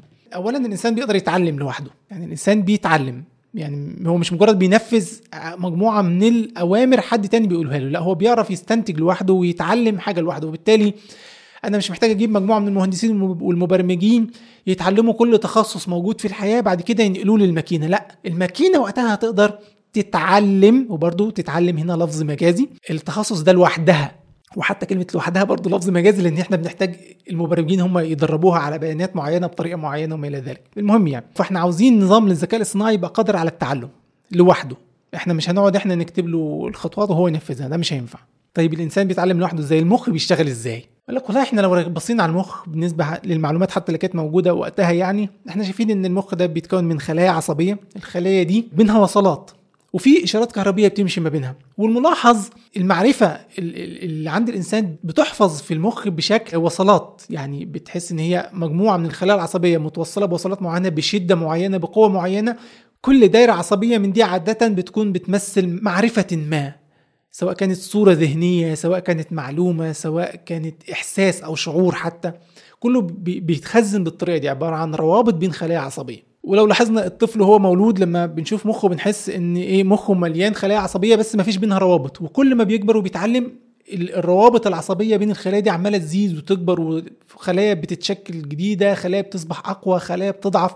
وبالتالي كأن عملية التعلم هي فكرة الربط ده بين الخلايا العصبية. ودي الفكرة العامة. وفي الوقت ده هم حتى برضه ما كانوش لسه يفهموا المخ فعلا شغال إزاي وما زلنا لسه مش فاهمين المخ بيشتغل إزاي. بالظبط طبعا حصل تطور كبير وحصل فهم أكبر بس لسه ما زلنا مش عارفين المخ بشكل كامل بيشتغل إزاي. بس دي كانت الفكرة العامة. هل نقدر ناخد الفكرة العامة دي ونعمل إحنا أسلوب للذكاء الاصطناعي يبقى عنده بعض القدرات اللي موجودة عند المخ؟ الإنسان زي إنه يتعلم أو إن هو يقدر يصنف بعض الحاجات أو إن هو يحل بعض المشكلات بالطريقة دي. مهم هنا تفهم إن إيه؟ ان هتسمع ناس كتير حتى في البرامج العلمية يقول لك إيه؟ الذكاء الاصطناعي بيستخدموا حاجات اسمها الشبكات العصبية الاصطناعية اللي هي ال neural networks وإن دي بالظبط زي المخ ما بيشتغل. ده غير صحيح بالمرة. هو مش بالظبط زي المخ بيشتغل ولا أي حاجة. هو مجرد فكرة عامة إحنا استوحيناها. بالظبط زي إيه؟ زي الطيران. إحنا يعني بصينا للطيور بتطير لقينا والله الطائر ده عنده جناحين أو عنده ديل. طب إحنا ممكن نستفيد من ده بحاجة في إن إحنا نعمل إحنا كمان حاجة بتطير؟ آه خدنا الفكرة دي وعملنا طيارة. بس في النهاية دي الفكرة العامة. الطيارة مش بتطير زي الطائر بأي شكل من الأشكال. الطيارة بتطير بشكل مختلف تماما. إحنا خدنا الفكرة وحاولنا نطبقها بما هو ممكن إنه ينجح لاستخدامنا إحنا ولاحتياجاتنا إحنا كبشر. في النهاية الطائر ده كائن معقد أكتر ب... يعني أكتر بكثير من أي طائرة ممكن تتخيلها في حياتك. الطائرة حتى مش بتطير زي الطائر يعني الطائر بيرفرف جناحاته الطائرة مش بترفرف جناحاتها. فهنا إحنا كل اللي خدناه عشان نقدر ننجح في عمل طائرة هو الفكرة العامة. يعني زي ما تقول كده إيه استوحينا الفكرة أو الهمت ألهمنا شكل الطائر في إن إحنا نعمل الطيارة. وبالتالي ألهمنا شكل أو طريقة عمل المخ بش... يعني بتصورنا الحالي اللي إحنا نعرفه عن المخ إن إحنا نعمل موضوع إيه؟ الذكاء الاصطناعي باستخدام ما يسمى ال neural networks أو الشبكات العصبية الاصطناعية artificial neural networks. بس هي بتبقى كلمة طويلة تقيلة قوي على اللسان فبنقول الشبكات العصبية بس بس هي الشبكات العصبية دي في الواقع هي هي الشبكات اللي موجودة في المخ. لكن إحنا محتاجين نضيف قبلها كلمة artificial عشان يعني نوضح إن إحنا بنتكلم على المحاكاة الاصطناعية للشبكات العصبية في المخ. تاني بكرر مهم تدرك الفكرة دي إن إحنا بنعمل محاكاة وإلهام لفكرة عامة. يعني لو حد دلوقتي جالك وقال لك والله إحنا بما إن الطيارة لها جناحات وليها ديل وإحنا استلهمنا فكرتها من الطيور فبالتالي الطيارة ممكن تعمل حاجات الطيور بتعملها تكتسب قدرات تكتسب بشكل تلقائي قدرات زي اللي عند الطيور. هل ممكن إن هي تتكاثر مثلا؟ الطيارات الطيارات تجيب لنا طيارات صغيرة كده لوحدها؟ هل ده منطقي إن إحنا نقول الفكرة دي؟ مش منطقي صح؟ لأن الطيارة مش طائر. مفهوم؟ ليه؟ لأن لما نيجي نتكلم عن الذكاء الاصطناعي هتلاقي في ناس بيقول لك إحنا والله بما إن إحنا عملنا برنامج ذكاء اصطناعي بيشتغل زي ما المخ البشري بيشتغل فبالتالي هو ممكن يكتسب القدرات اللي موجودة عند المخ البشري وده برضه غير صحيح. هنتكلم عن ده بالتفصيل بعد شوية. في الواقع زي ما حصل تبسيط شديد في طيران الطائر يعني أنت لو لو درست الطريقة اللي بيطير بيها الطيور دي والريش وتصميم الريش وعلى فكرة الطائر مش كل الريش بتاعه بيبقى نفس الشكل. بيبقى في تصميم مختلف يعني في أنواع مختلفة من الريش بأشكال مختلفة كل واحدة ليها دور. كل جزء في ريشه متصمم بطريقة تساعد الطائر إن هو يطير بالطريقة العجيبة الملهمة دي. فكون إن إحنا بعد كده رحنا مجرد عملنا إيه؟ يعني جناحين يعني خطوط مستقيمة كده مجرد لوح صفيح أو لوح معدن من يعني منفرد طبعا أكيد هو يعني معقد عن كده شوية بس في النهاية عمره ما هيوصل لتعقيد جناح الطائر. ده تبسيط شديد لكنه تبسيط كافي إن هو يؤدي الوظيفة اللي إحنا محتاجينها. إحنا محتاجين الطيارة انها تطير وتنقل ركاب أو تنقل بضائع وده بيحصل بالفعل فخلاص مش مشكلة. إحنا حققنا الهدف اللي إحنا عاوزينه. فكذلك في الشبكات الاصطناعية العصبية في تبسيط شديد. يعني عايز أقول لك إيه؟ تخيل لو عاوز ترسم شخص بدقة التفاصيل. عارف إن الفنانين اللي بيقعدوا يرسموا إنسان وش إنسان بأقل يعني بأدق التفاصيل الشعر الخفيف والكرمشة الخفيفة حوالين العينين والبق والحاجات دي.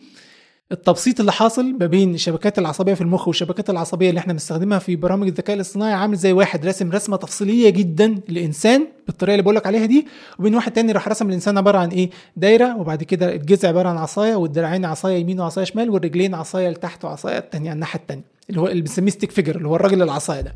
تخيل بقى إنسان رحت أنت مبسطه في شكل stick figure ده بالظبط اللي حاصل بالنسبة للتبسيط للشبكات العصبية الحقيقية المخلوقة في مخ الإنسان وبين الشبكات العصبية اللي بنستخدمها في برامج الذكاء الاصطناعي.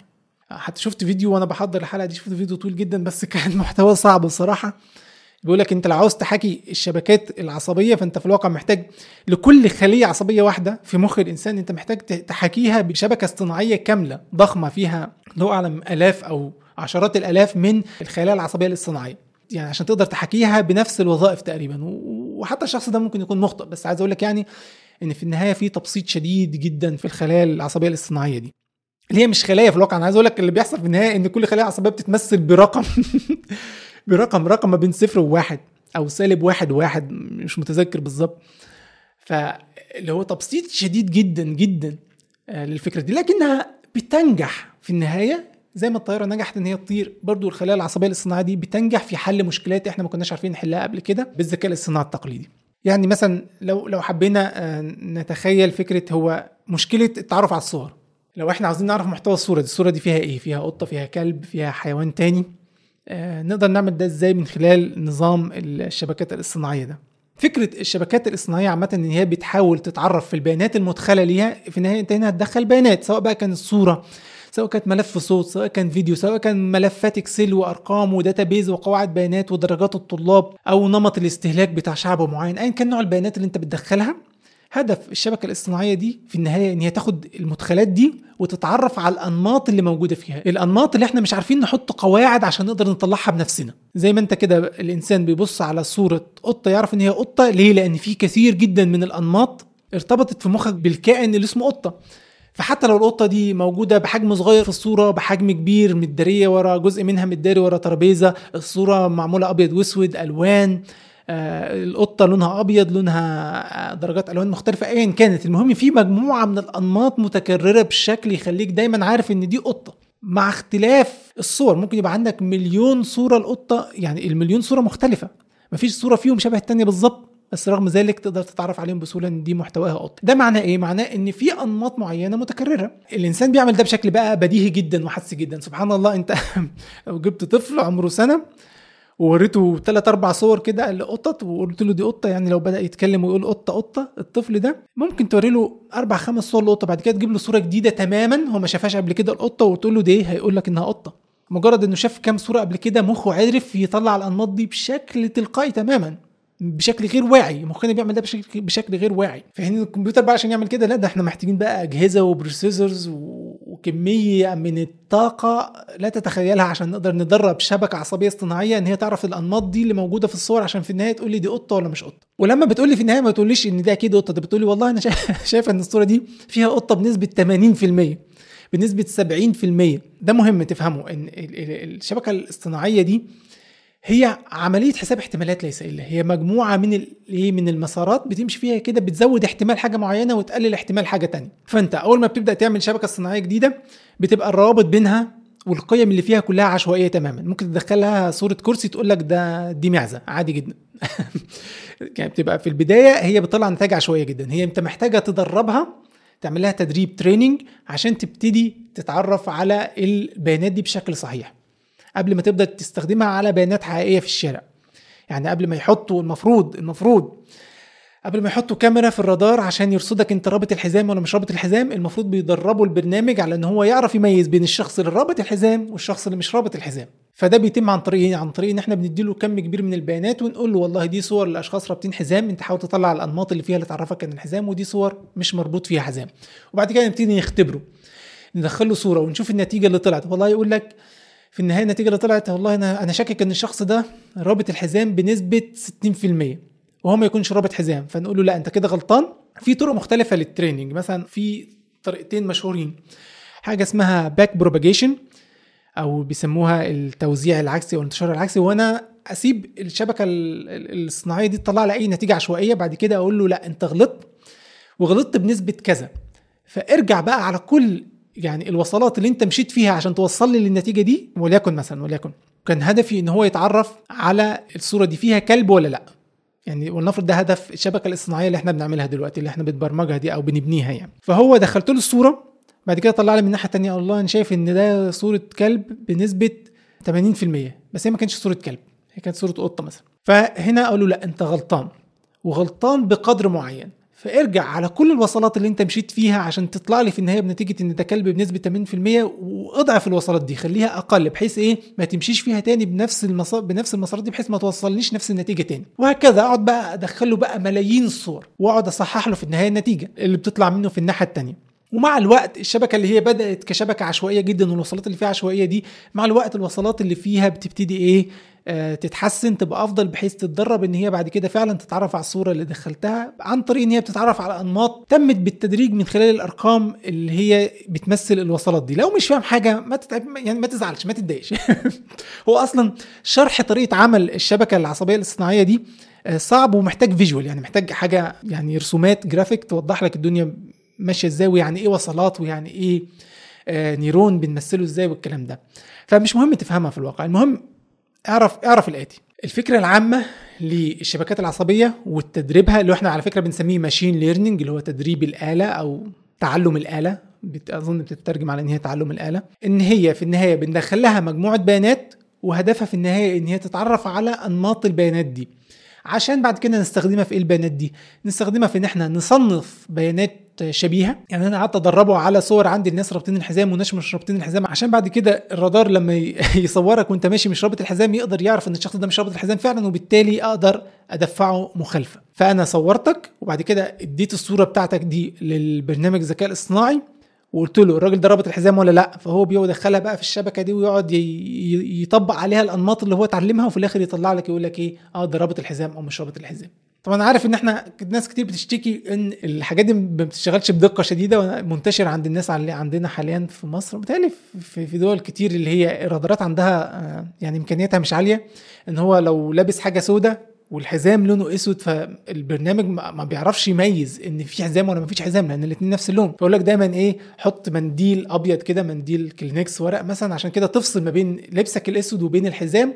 وبالتالي البرنامج لما يلقط لك صورة يعرف يميز إن أنت كنت رابط الحزام فعلا عشان يعرف يطلع النمط ده اللي هو إيه خط أسود مايل. ده نمط هو بيحاول يطلعه بيحاول يستنتجه. ونظرا لأن عادة الرادارات بتستخدم صور رديئة جدا وبالتالي هي بيانات جودتها مش عالية فده بيبقى صعب إن هو يستنتجه من الصورة الرديئة اللي هم بيصوروها دي. فأنت عشان تساعده تحاول إيه تخلي النمط اللي هو بيبحث عنه واضح متميز يعني. بس فأنت زي ما قلت إحنا بندربه على بيانات معينة إحنا مختبرينها قبل كده وعارفين محتواها بالظبط. عشان يتعرف على الأنماط اللي فيها فبالتالي يعرف يطلع نفس الأنماط من بيانات شبيهة. فأنا بستخدم الأنماط اللي هو اتعلمها دي في إن أنا أصنف بيان جديد داخلي أو إن أنا ممكن ممكن وده اللي طلع في التقنيات الحديثة حاليا إن أنا ممكن أخليه يطلع لي يخترع لي بيانات جديدة فيها نفس الأنماط اللي هو اتعلمها. وده اللي موجود حاليا في البرامج اللي هي بيسموها إيه؟ generative art AI اللي هو الذكاء الاصطناعي اللي بيولد رسومات زي Midjourney الاخوه المصممين عارفينه وشايلين الهم دلوقتي. بخصوص البرامج دي في كذا في حاجة اسمها Stable Diffusion في حاجة اسمها Midjourney في في الواقع كذا موديل يعني في DALL-E 2 كلها دي موديلات ذكاء اصطناعي بتحاول تطلع رسومات بأنماط معينة هو اتدرب عليها. وهو تقريبا اتدربوا على كل صور اللي ممكن تتخيلها على الإنترنت يعني. فبالتالي لما أنت تكتب له أنا عاوز صورة قطة سوداء لابسة برنيطه حمراء فهو يقدر يولد لك صورة بالشكل اللي أنت طلبته. مش مش يبحث عن صورة على الإنترنت ويجيبها لك لا لا هو بيرسم الصورة دي أو بيولدها عن طريق إيه؟ عن طريق إن هو يضع فيها الأنماط اللي هو اتعلمها على كل القطط والناس اللي لابسة برانيت حمراء أو صور البرنيطه الحمراء أو ايا كان الحاجات اللي هو اتعرض لها في البيانات اللي اتدرب عليها. طبعا ده يبين لك حاجة إنك كل ما دربت برنامج الذكاء الاصطناعي على بيانات أكتر كل ما تستنتج أنماط أكتر كل ما النتائج اللي هيطلعها كانت أفضل. فمثلا إحنا في الصيف حاليا آه في الصيف الناس بتحب تاكل بطيخ. فأنت لو عاوز تعمل برنامج الذكاء الاصطناعي يعرفك هي البطيخة دي حلوة وحمراء ولا لا؟ بنفس فكرة الشبكات العصبية والماشين ليرنينج تعلم الآلة اللي قلناه ده. هتعمل إيه؟ اولا إحنا هنا بنفترض إن في علامات معينة في شكل البطيخة إحنا مش عارفين نميزها كبشر بس في علامات معينة في شكل البطيخة. ممكن برضو الصوت يعني لو خب في تلاقي ناس يقول لك يخبط على البطيخة كده مرتين ثلاثة ويقول لك لا دي حلوة دي مش حلوة والكلام الفاضي ده.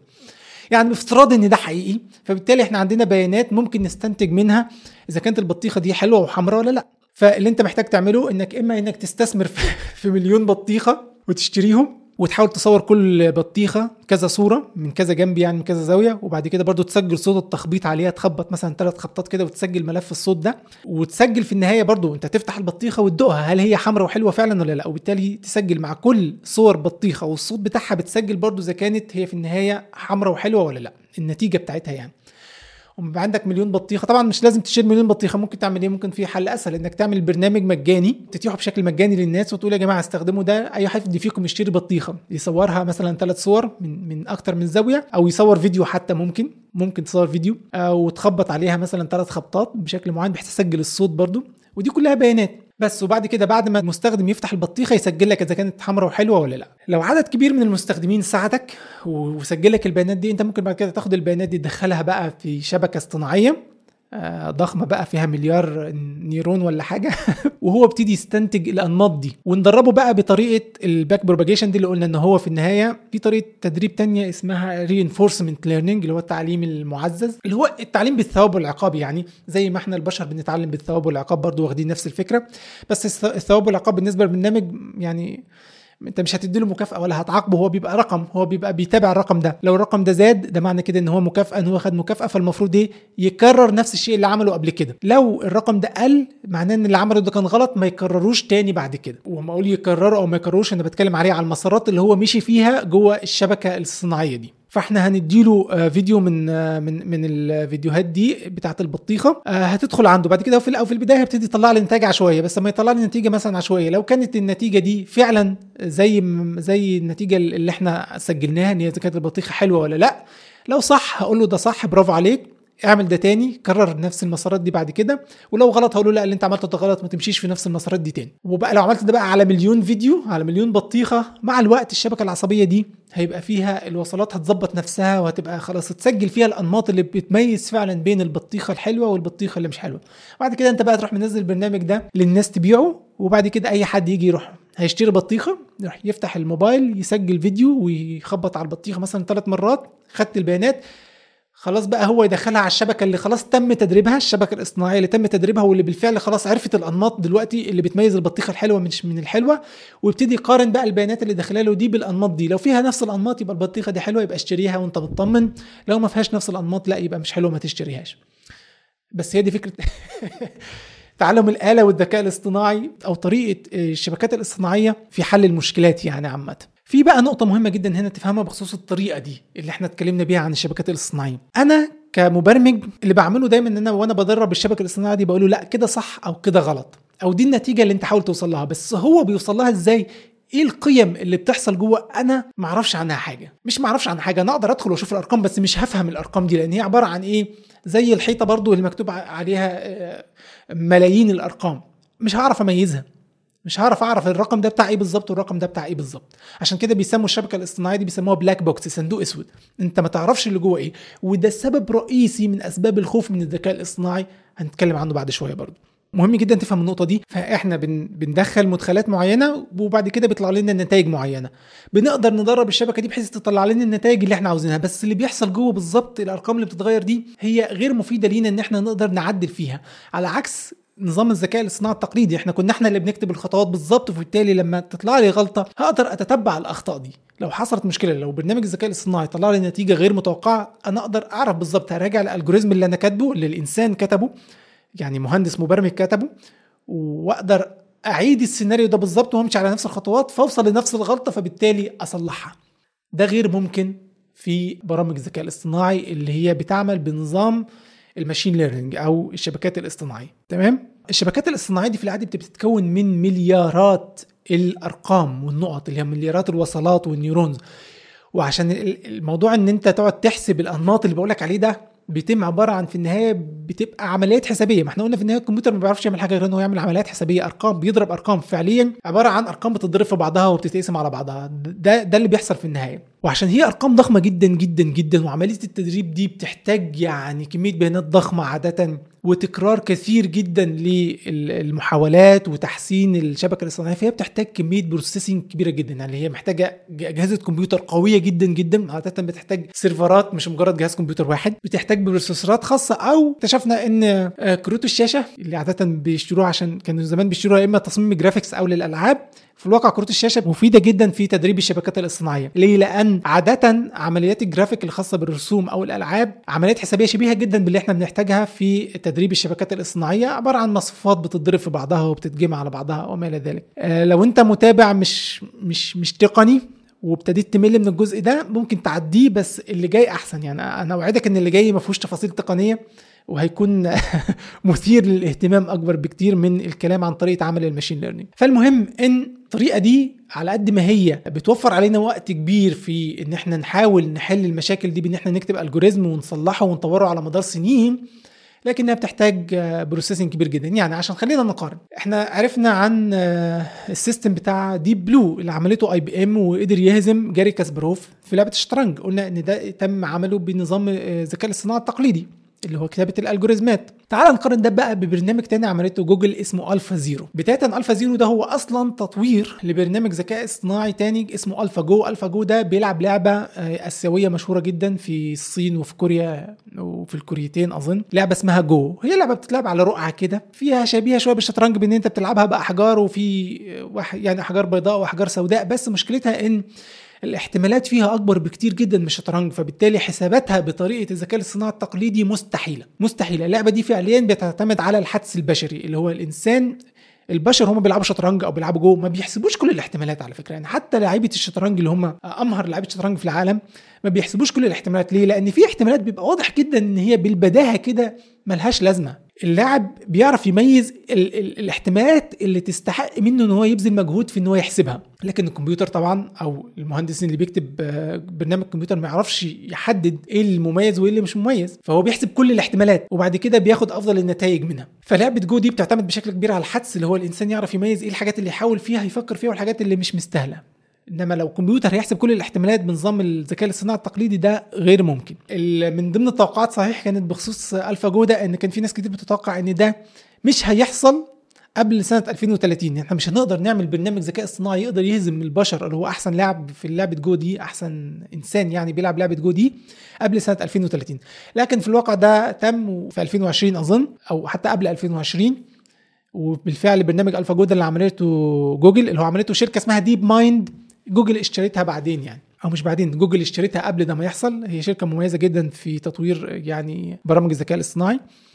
فجوجل اشتريتها وعملوا برنامج اسمه AlphaGo قدر فعلا يفوز على بطل العالم. وكان حدث برضو يعني لا يقل ابدا عن موضوع آه، هزيمة كاسباروف من Deep Blue المهم جوجل خدت AlphaGo ده وطورته إن هو يحاول يلعب تقريبا أي لعبة آه، بتتلعب على رقعه أو يعني هو يقال هم دربوه على ثلاث ألعاب الشطرنج ولعبة تانية اسمها شوجي وجو اللي هو اللعبة الأساسية اللي هو كان بيلعبها. المهم خلينا في الشطرنج. إحنا قلنا إن Deep Blue تم تطويره على مدار 12 سنة لغاية ما قدر يهزم آه، جاري كاسباروف. طبعا بعد ما خلاص هزم جاري كاسباروف بقى في برامج شطرنج كتير جدا كلها خلاص تخطت مستوى البشر بشكل كبير جدا. مفيش لاعب شطرنج ال rating بتاعه أو لاعبي الشطرنج بيبقى لهم أرقام كده بتبين مستواهم يعني رقم عالمي كده بيبين مستواه مفيش لاعب شطرنج تخطى 2900 مفيش حد وصل كلهم في 2800 وحاجة كده. أعلى لاعب شطرنج ما وصلش حتى 2900 في حين إن خلال سنوات من بعد هزيمة كاسباروف دي ظهرت برامج آه، شطرنج تانية برضه بنظام الذكاء الاصطناعي التقليدي عادي جدا وبقت أقوى بكتير لغاية إن الريتنج بتاع البرامج دي وصل ل 3400 اللي هو يعني حاجة عالية جدا جدا جدا يعني.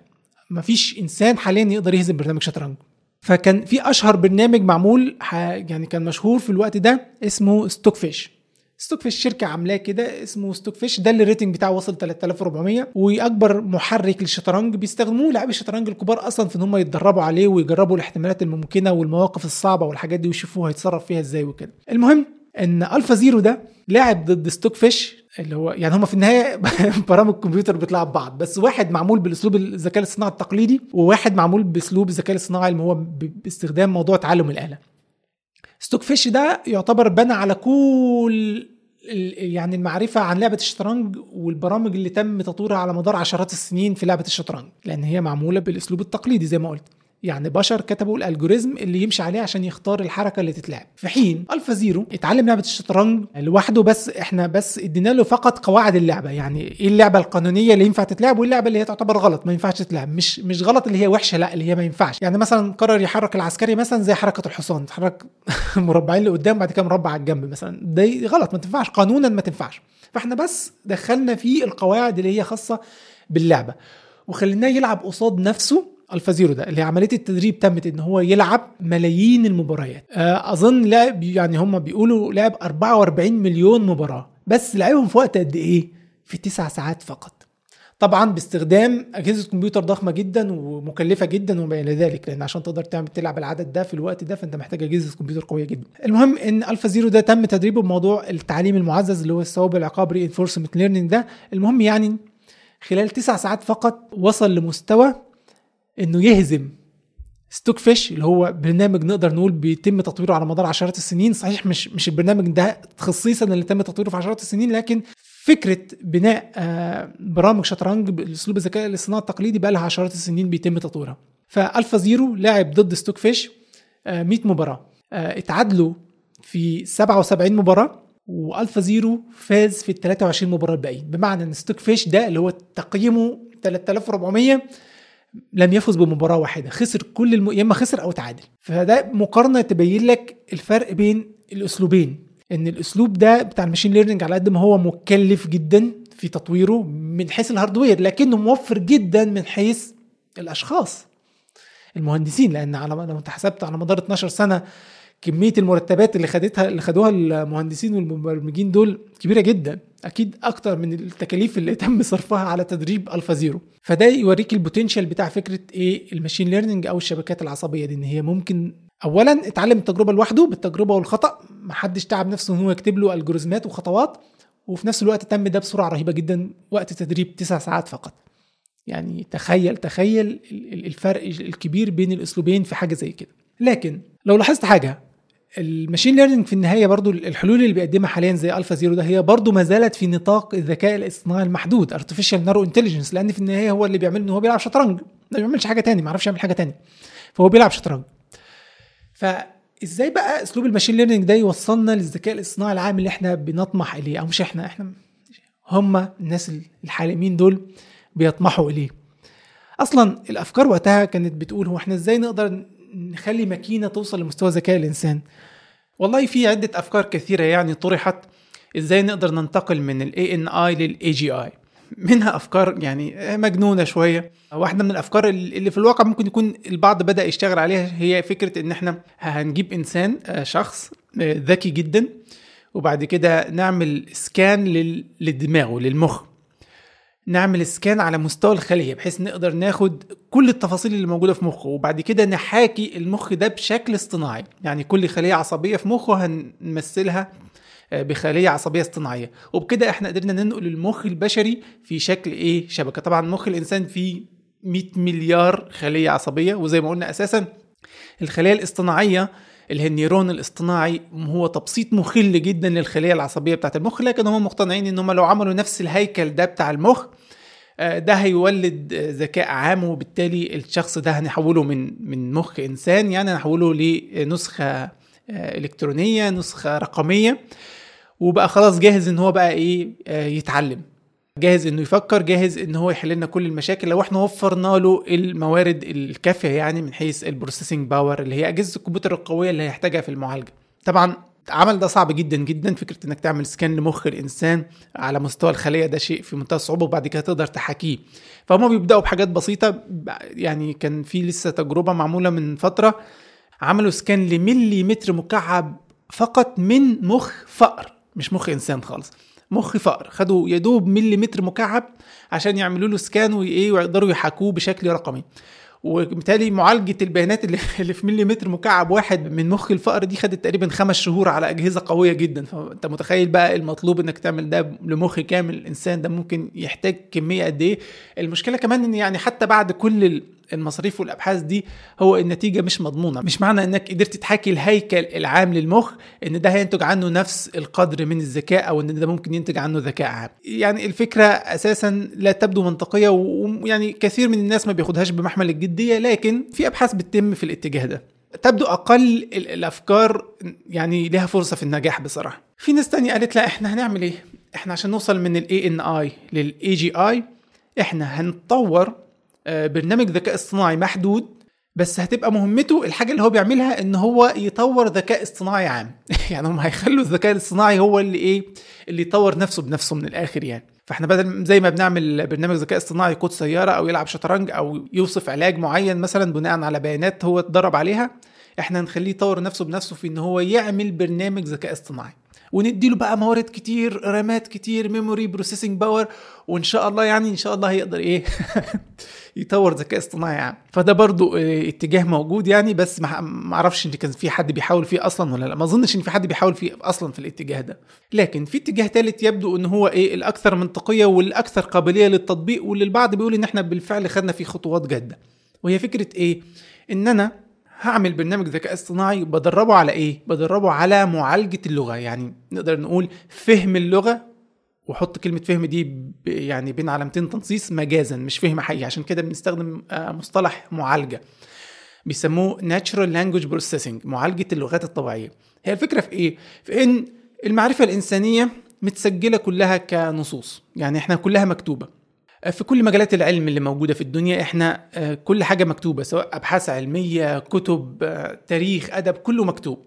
حتى الحاجات اللي موجودة بصيغة فيديو أو متصورة آه، ممكن ببساطة يتم تحويلها لنص وبالتالي تبقى من ضمن البيانات اللي يتم تدريب البرنامج الاصطناعي عليها.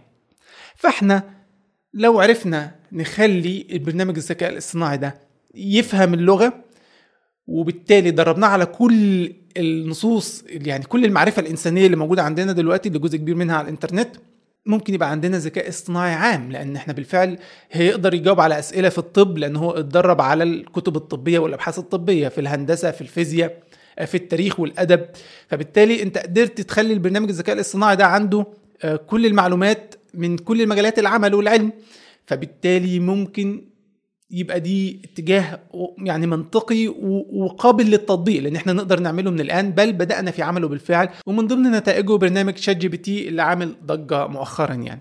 فخلينا نتكلم شوية عن شات جي بي تي وأمثاله من آه، التطبيقات اللي بيسموها LLMs Large Language Models اللي هي النماذج اللغوية الكبرى.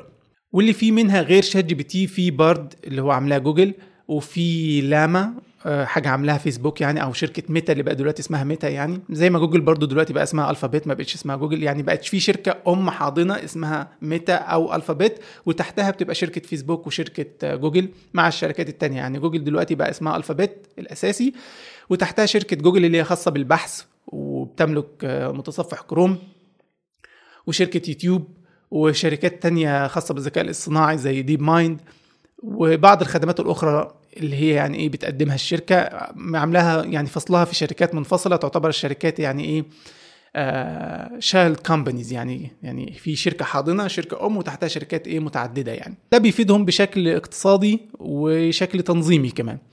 المهم يعني ده مش موضوعنا. اللي ما استخدمش منكم أي نموذج من النماذج دي سواء شات جي بي تي أو بارد أو أي حاجة تانية هي بتقدم في شكل إيه محادثة برنامج محادثة. بس أنت مش بتكلم شخص تاني أنت بتكلم برنامج ذكاء اصطناعي. تم تدريبه تقريبا على آه، معظم النصوص اللي موجودة على الإنترنت. الفكرة إنك بتسأله سؤال في أي مجال أي مجال عمل في اي مشكلة بتواجهك والمفروض إن هو بيقدر يجاوب عليك. وطبعا اللي عمل الضجه هو إن مستوى الإجابات أصبح متطور جدا أصبح قوي جدا ففاجئ ناس كتير بالمستوى ده. ناس لأن لأن تاريخ ال chatbots دي اللي هي برامج المحادثة اللي مبنية على الذكاء الاصطناعي دي يعني عادة نتائجها ما كانتش رائعة كانت بتبقى حاجة بتستخدم في التسلية ليس إلا ما كانتش ممكن تستخدم في حاجة مفيدة قبل كده. لكن بالنسبة لشات جي بي تي الوضع آه، مختلف تماما لأنه فعلا بيقدم إجابات كثيرة جدا مفيدة وبيقدر يوفر على الناس وقت كبير لدرجة إن هو دلوقتي بيهدد عملية البحث. آه، ناس كتير دلوقتي مش شايفة إن بقى في داعي إن أنا أروح أبحث على جوجل للمعلومة وفي الآخر تطلع لي 100 نتيجة وأنا أقعد أبحث بنفسي في كل نتيجة عشان أوصل للإجابة اللي عاوزها. ما أنا ممكن أسأل برنامج ذكاء اصطناعي ويديني الإجابة بشكل مباشر. فليه أروح أستخدم خاصية البحث المتعبة دي؟ لأن واضح إن استخدام ChatGPT أسهل بكتير. طبعا ChatGPT النسخة اللي هي النسخة الأحدث اللي هي ChatGPT 4 نسخة مدفوعة بتدفع فلوس عشان تستخدمها. لكن بالنسبة لناس كتير الفايدة اللي بياخدوها منهم أكتر بكتير من ال 20 دولار اللي بيدفعوها شهريا. طبعا في نسخة مجانية اللي هي ChatGPT 3.5 أو 3.5 آه، دي مجانية لكنها مش بنفس الكفاءة بتاعه شات جي بي تي 4 بالنسبة ل Bard اللي عاملاه جوجل فهو مجاني تماما تقدر تدخل عليه من Bard dot Google dot com أظن.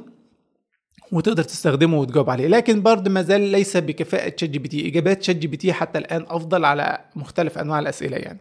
لكن خلينا نسأل هي, هي النماذج دي تم بنائها إزاي؟ زي ما قلنا هي نفس فكرة ال machine learning العامة. أنت بتعمل شبكة عصبية اصطناعية ضخمة جدا كل ما كترت عدد ال neurons فيها كل ما ده هيديك نتيجة أفضل لاحقا. وبعد كده بيتم تدريبه على البيانات. البيانات هنا عبارة عن إيه؟ عبارة عن أي نص. كتب آه، بوستات social media مقالات منتديات أي حاجة ممكن تديها له وتدربه عليها اديها له.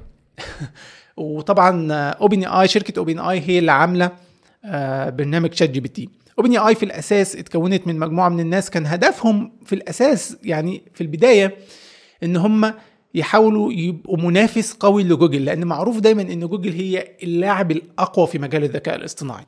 فكان في خوف إن هيبقى في شكل من أشكال الاحتكار إن جوجل هي كلاعب تقريبا شبه لاعب وحيد يعني في الموضوع. طبعا كان في م... في باقي الشركات كلها بتحاول في الذكاء الاصطناعي سواء مايكروسوفت أو فيسبوك أو أو باقي الشركات أو أبل حتى وان كان أبل تبدو اضعافهم أو ده اللي بيبدو لينا لأن هم إيه أبل يعني ليها توجه مختلف عن باقي الشركات دي. باقي كل الشركات اللي أنت شايفها دي عبارة عن شركات software فقط لا في حين إن أبل هي شركة hardware وأبل ربحها الأساسي من ال hardware فهي مش مش قلقانة قوي على مستقبلها زي آه، جوجل ومايكروسوفت وفيسبوك اللي هم كل بيبيعوا لك خدمة رقمية في النهاية فقط. وأرباحهم من الخدمة الرقمية دي. فهم لازم يعني يحاولوا يستغلوا الذكاء الاصطناعي لتطوير خدماتهم الرقمية بأكبر شكل ممكن وإلا هيخسروا مصدر ربحهم الأساسي. في حين إن أبل حاسه ان في النهاية الناس بتشتري iPhones الناس بتشتري MacBooks ومن خلالها بيستخدموا الخدمات الرقمية التانية بتاعت جوجل وفيسبوك وغيرهم يعني ومايكروسوفت وغيرهم من الشركات. فتبدو إن أبل أقلهم وإن كان بيقول إن هم عندهم أبحاث بس أبل معروفة بالسرية فما يعني إيه ما بتنشرش كل حاجة بتعملها زي جوجل وباقي الشركات. المهم كان في خوف من إن جوجل هتبقى يعني إيه محتكرة زي ما هي احتكرت البحث بالظبط على الإنترنت هتحتكر كمان آه، برامج الذكاء الاصطناعي. ولو وصلت لمستوى يعني من برامج الذكاء الاصطناعي المتطور فممكن ده يخليها تسيطر على الإنترنت بشكل ما تخليها تقدم خدمات ما فيش حد تاني قادر ابدا إن هو يقدم زيها. في مجموعة من الناس كده اللي هم خايفين من الموضوع ده منهم إيلون ماسك. اجتمعوا وقالوا إحنا هنعمل شركة اسمها OpenAI كلمة open معناها إن هي إيه مفتوح. إن هم هيشتغلوا في العلن وهيشاركوا اللي بيوصلوا له من أبحاث في الذكاء الاصطناعي مع باقي الناس. والشركة بالفعل اشتغلت بالطريقة دي لعدة سنوات كانت بتشارك كل اللي بتوصل له من أبحاث يعني وإنجازات. لكن بعد فترة حصل خلاف وواضح إن في أطراف في الشركة حسوا إن هم اللي بيعملوه ده آه، مفيد جدا ممكن يستغلوه ماديا. وإحنا في النهاية ما بنشاركه بيوصل لكل الناس حتى المنافسين بتوعنا فليه نشارك يعني الحاجات اللي, اللي بنوصل لها وبنبذل فيها مجهود ونصرف فيها فلوس مع الناس؟ لا إحنا خلينا إيه نرجع تاني شركة مغلقة بعد ما كنا شركة مفتوحة يعني. وده على أساسه إيلون ماسك ترك الشركة بعد ما كان مولها بحوالي 100 مليون دولار تقريبا.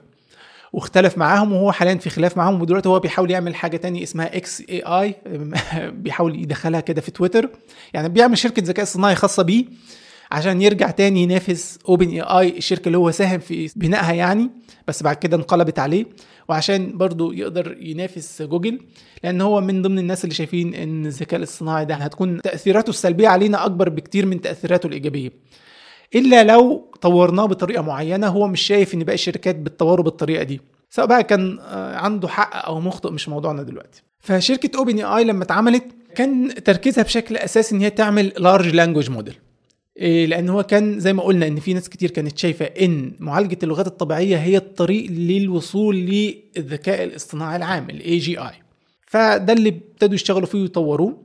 وبعد كده ففاجئوا العالم كله بإن هم أعلنوا عن ChatGPT 3.5 اللي هو 3.5 وقدموه للناس يجربوه. والناس اتفاجئت بالمستوى اللي وصل له ناس كتير بقى اتخضت وبدأت تحس إيه إن إحنا كده إيه دخلنا في عصر يعني يعتبر breakthrough اللي هو يعني إيه إنجاز علمي بيؤدي لتطور سريع جدا في مجال معين. وفي الحالة دي هو مجال الذكاء الاصطناعي. إن إحنا كده دخلنا عصر جديد والناس بقى ما بدأت تستخدم ChatGPT ده وتحس إن هو بدأ ممكن نستخدمه في كثير من الحاجات اللي البشر بيعملوها حاليا فحست إن هو لأ إحنا كده يعني إيه ابتدأنا نوصل شوية للأفكار اللي الناس كانت بتحذر منها إن هو ممكن إيه يستبدل آه، كثير من البشر يعني. لكن أنا شايف إن ده كان هو أثر الصدمة بس القفزة اللي حصلت دي لأن أي حد بيستخدم ChatGPT بعد فترة بيكتشف إن هو آه، بعد حالة الانبهار الأولى بتكتشف إن هو مش بالروعة اللي أنت كنت متخيله في الأول وإن مش إجاباته دايما دقيقة بالعكس بيبقى فيها مشاكل كتير. فعشان نفهم ده محتاجين نفهم هو بيشتغل إزاي.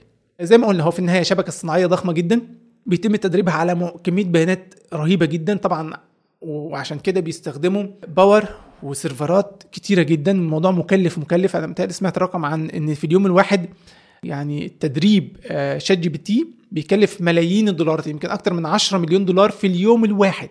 تكلفة إيه؟ تكلفة السيرفرات. عشان تقدر تدربه على كل كمية البيانات دي. فمتخيل الرقم لما يبقى تكلفة يوم واحد من التدريب فقط أكتر من 10 مليون دولار؟ رقم ضخم جدا ويبين لك كمية ال power اللي مطلوبة عشان تقدر تشغل البرامج دي. آه بالمناسبة بالمناسبة المخ البشري بيشتغل ب 20 واط فقط. يعني كمية الكهرباء اللي موجودة في المخ البشري مش عايز أقول بيشتغل لأن هو مش جهاز بيشتغل بالكهرباء بس كمية الكهرباء اللي إحنا بنشوفها في المخ البشري تقريبا بتقدر بحوالي 20 واط تقريبا. في حين إن إحنا بنتكلم هنا على أجهزة عشان مجرد إن هي تقوم بجزء من اللي بيعمله المخ البشري بتحتاج يعني يعني السيرفرات دي بتحتاج محطات تبريد من كمية الطاقة اللي بتبذل فبتسخن الأجهزة فبتحتاج تبرد الأجهزة عشان الأجهزة ما تبص. فأنت متخيل الفرق الشاسع في مستوى الكفاءة؟ طبعا عاوز أوضح لك فكرة الناس اللي بت... دايما بتحاول تبالغ في تقدير إيه الصنعة البشرية وتقول إن إحنا خلاص قربنا وإن إحنا اقتربنا من إن إحنا نعمل مخ بشري وما إلى ذلك. المهم شات جي بي تي بيتم تدريبه إن هو يعمل إيه؟ إن هو يصيغ جمل وفقرات. هو ده الحاجة اللي هو بيتدرب عليها. هو ده المنتج اللي إحنا متوقعينه منه. إن هو ياخد مدخلات عبارة عن سؤال أو نص وعلى أساسه يطلع لنا نص تاني. لكن النص التاني ده المهم إن هو يكون مصاغ بالشكل صحيح فقرات وجمل وكلمات في مكانها الصحيح كلمات مفهومة. فهو عشان يقدر يطلع ده اللي بيعمله إنه لما بيتدرب على البيانات الضخمة دي اللي إحنا قلنا عليها الكتب والمقالات وما إلى ذلك هو بيقدر يطلع الأنماط اللي فيها زي ما قلنا دي الوظيفة الأساسية للشبكة الاصطناعية إن هي تطلع الأنماط اللي موجودة في البيانات وبالتالي يحاكي الأنماط دي في المنتج اللي بيطلعه. فتظهر الجملة في النهاية أو الفقرة اللي طالعة كان في شخص كاتبها لأنها مرتبة جدا منظمة وكلماتها صحيحة ومتوافقة مع بعضها يعني كلمات في النهاية ليها معنى. فده اللي بيدي إحساس للناس إن هو كده بيفكر وبيجاوب. أنت بتسأله سؤال فبيفكر وبيجاوب لكن ده غير صحيح هو ما بيفكرش. أنا لو سألتك سؤال كإنسان فأنت أول حاجة بتعملها إنك تفكر وتحاول تستدل على الإجابة بعد كده تجاوب. اللي بيعمله شات جي بي تي إن هو بيجاوب مباشرة مفيش مرحلة استدلال وتفكير. ليه؟ لأن الشبكة الاصطناعيه اللي تم تدريبه عليها دي هدفها اختيار الكلمات. إحنا قلنا إن كل اللي بتعمله الشبكة الاصطناعيه دي إن هي بتحسب احتمالات بتضرب أرقام في بعضها عشان في الآخر تحسب احتمالات. فأنت هو بيبدأ بكلمة بعد كده يقول لك إيه أكبر كلمة ممكن تيجي بعد الكلمة الأولانية؟ فيجيب كلمة تانية. بعد كده زي بالظبط يعني فيها شبيه شبيه مش بالظبط لأن هي مش بالظبط خالص. يعني شبه آه ال auto complete الموجود على ال keyboard عندك على الموبايل. لما بتكتب كلمة بعد كده هو بيحاول يخمن لك الكلمة التانية اللي انت هتكتبها بناء على الاحتمالات الموجودة بإن الكلمة دي هتتكرر. يعني لما بتقول السلام هو بيقترح عليك إنك تكتب عليكم السلام عليكم. ليه؟ لأن هو شاف في البيانات اللي اتدرب عليها كلمة السلام عادة بيجي بعدها كلمة عليكم. فبيروح يقترح عليك كلمة عليكم. شات جي بي تي بيشتغل بشكل أساسي كده بس طبعا بشكل معقد أكبر بكتير من كده وهو مش بس بيبحث عن احتمال الكلمة التالية ده هو كمان بعد ما بيطلع جملة بيبحث عن احتمال الجملة التالية والفقرة التالية بحيث يبقى في تناسق في النص كله. وده طبعا يعني آه، بيحتاج كمية processing power كبيرة جدا جدا بس في النهاية بيطلع نتيجة تبدو مبهرة. لكن مهم تعرف إن مفيش مرحلة استدلال وتفكير. هو هو فعلا عارف الشخص اللي هو بيتكلم قبل ما يفكر. هو شات جي بي تي بيتكلم قبل ما يفكر. اعتمادا على الناس اللي فكرت في كل الكلام اللي اتكتب اللي هو تم تدريبه عليه. فالناس اللي كتبت الكتب والمقالات دي كانت بتفكر وأفكارها مدمجة في الكلمات دي وفي نمط الكلمات والجمل والعبارات. فهو لما بيعيد استخدامها بيظهر نفس النمط بتاع التفكير بتاع البشر أساسا. إنما هو ما بيفكرش. ولا بيستدل ولا بيعمل حسابات منطقية عشان يحسبها وعشان كده بنشوف بعض الإجابات الغريبة جدا. على قد ما بتشوف بعض الاجابات مبهرة بتشوف آه، إجابات غير منطقية ابدا. لدرجة إن في المراحل الأولى كنت ممكن تقول له يعني 2 زائد 2 بكام؟ ما يعرفش يجاوبها لأن هو اولا هو ما بيتدربش على عمل عمليات حسابية زي ما قلنا. هو في النهاية هو ذكاء اصطناعي محدود لأن هو كل اللي بيعمله إن هو بيتدرب على بيانات نصية نصوص وبعد كده كل شغل كل المطلوب منه إن هو يطلع في النهاية برضه نص. فهو دي حاجة واحدة بيعملها بس هو لأن النصوص بطبيعتها ممكن تستخدم في مجالات علم مختلفة فإحنا بنحس إن هو ممكن يقول إيه بنستخدمه في مجالات عامة. فهو في ناس معتبراه بقى إيه أول خطوة في اتجاه الذكاء الاصطناعي العام. لكن في النهاية هو بيعمل حاجة واحدة بياخد نص ويطلع نص تاني. بالمناسبة شات جي بي تي معتمد على تقنية في الذكاء الاصطناعي اسمها transformers التقنية دي تقنية اخترعتها جوجل في الأساس وطرحتها بشكل مفتوح المصدر لأي حد يستخدمها. هي مرتبطة أكتر بتطبيقات الذكاء الاصطناعي اللي هي بتحتاج تحول شيء لشيء تاني. عشان كده اسمها transformers فبالتالي حتى OpenAI يعني حتى شات جي بي تي هو معتمد في النهاية على تقنية عملتها جوجل. ده يبين لك قوة جوجل في المجال ده. وإن البعض اللي بيحاول يدعي إن OpenAI خلاص انتصرت في في سباق الذكاء الاصطناعي ده فعلا ما يعرفش ما يعرفش اللي بتعمله جوجل. اللي يمكن أخر جوجل شوية في إن هي ما تعملش حاجة زي شات جي بي تي هو إنه ببساطة ضد مصلحتها. لأن أنا لسه كنت بقول لك إيه موضوع إن أنت بدل ما تروح تعمل بحث على جوجل بتسأل البرنامج الذكاء الاصطناعي سؤال ويجاوبك. طب ما هي جوجل لو عملت كده يبقى هي بتضحي بمصدر الربح الأساسي بتاعها اللي هو الربح من الإعلانات لأن أنت ما بتبحث هو بيطلع لك إعلانات في صفحة البحث نفسها والمواقع اللي أنت بتدخل عليها هو بيبقى حاطط فيها الإعلانات بتاعت AdSense مش هو يعني أصحاب المواقع بيبقوا حاطينها عشان يتربحوا منها وجوجل بياخد نسبة. فهو النموذج الربح بتاعه كله مبني على الإعلانات جوجل. حتى يوتيوب مبني على الإعلانات.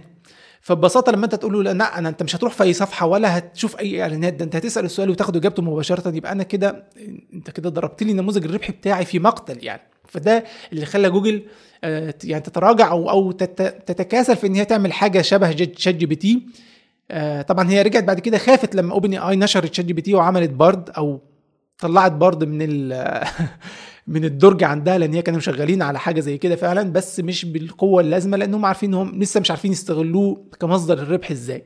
فالبعض بيقول في الواقع إن جوجل كانت قادرة تعمل حاجة زي شات جي بي تي في 2019 يعني قبل OpenAI بثلاث سنين حتى. لكن هي ما عملتش ده زي ما قلنا لأنه هيأثر سلبا على أرباحها. المهم شات جي بي تي بيتم تدريبه على البيانات اللي موجودة على الإنترنت عشان في الآخر يطلع نصوص وعبارات من- منسقة يعني إيه آه، منطقية مش مكتوبة بصيغة غلط. نحويا صح وفي نفس الوقت الكلمات ال- يعني بقدر الإمكان ما تناقضش بعضها ما يبقاش المعنى بيناقض بعضه وإن كان ده بيحصل أحيانا. عشان تعرف المشكلة في فكرة النموذج اللغوي الكبير ده إن أنا أدربك على النصوص وبعد كده أنت تجاوب عليا من خلال احتمالات ورود الكلمات تخيل إن أنت جبت نموذج زي شات جي بي تي ده ودربته على 10 كتب مثلا فقط. هي كل البيانات اللي انت دخلتها فيها 10 كتب مثلا. تسع كتب منهم منهم مثلا آه بتتكلم عن إن بتحاول تثبت إن الأرض مسطحة. وكتاب واحد بس هو اللي بيقول إن الأرض كروية. التسع كتب التانيين ما فيهمش أي استدلال أو منطق بيقولوا أي كلام.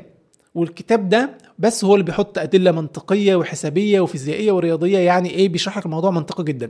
بالنسبة للإنسان لو لو قرأ العشر كتب دول بالنسبة له اللي موجود في الكتاب ده هيبقى أفضل من من التسع كتب. مش فارق معايا إن دول تسعة وده واحد. أنا يهمني في النهاية أنهي الفكرة الصحيحة فين؟ المنطق والاستدلال الصحيح فين؟ في الكتاب الواحد. بالتالي أنت كإنسان هتختار الأفكار اللي موجودة في الكتاب الواحد. ولو حد سألك عن إن الأرض كروية أو مسطحة هتجاوبه من الكتاب الواحد وهتتجاهل الكتب التسعة. شات جي بي تي ما بيعملش كده. شات جي بي تي لو تم تدريبه على العشر كتب هيجاوب حسب احتمال الأكبر في البيانات اللي اتدرب عليها. وبالتالي هيقول لك إن الأرض مسطحة. فهمت؟ هو ما عندوش استدلال. هو كل اللي بيعمله إن هو بيشوف احتمالات ورود النصوص والكلمات دي بمعدل معين. الحاجات اللي بترد بمعدل أكبر بيجاوب بيها. طبعا هو ممكن وهم بالفعل غالبا عملوا كده إن أنت البيانات اللي يتم التدريب عليها تديها آه، أوزان مختلفة. يعني ما تساويش بين كل البيانات. يعني لما تيجي تدربه على كتب مثلا كتب علمية تديها ثقل تديها رقم معين كده وأنت بتدربه عليها تقول له لا خد اتعامل مع البيانات دي إن هي مهمة.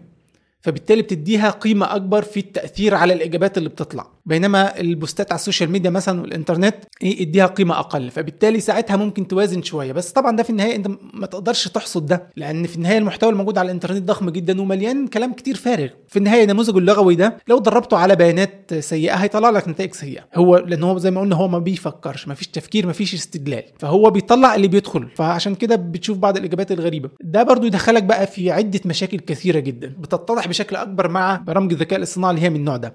أول مشكلة هي مشكلة الهلوسة. في حاجة اسمها AI hallucination أو هلوسة الذكاء الاصطناعي. لما برنامج الذكاء الاصطناعي بيحاول يجاوبك هو زي ما قلنا بيختار الكلمات اللي احتمال ورودها أكبر.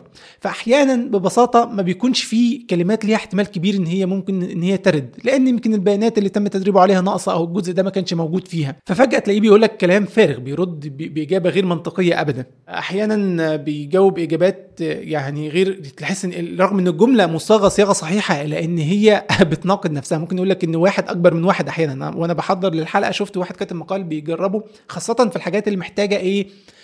common sense اللي محتاجة حدس بديهي كده إن أنت تقدر تعرف الحاجات بالبداهة مش محتاجة تفكير واستدلال.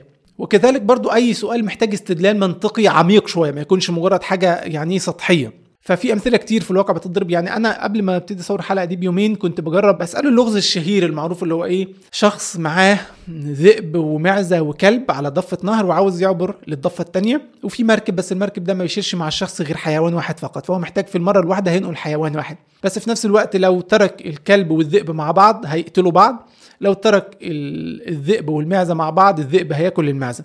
فأنت إزاي تقدر إيه الخطوات المطلوبة انك تنقل ال- الحيوانات كلها بأمان للضفة الثانية لغز معروف. فإجابته إجابته إيه؟ أول ما بدأ الإجابة قال لك إيه؟ قال لي this is a classic uh, river crossing puzzle. يعني عايز يقول يعني أنت بتقول لغز قديم قوي ومعروف يعني. طب يا سيدي معروف جاوب. أول خطوة قال لي إيه؟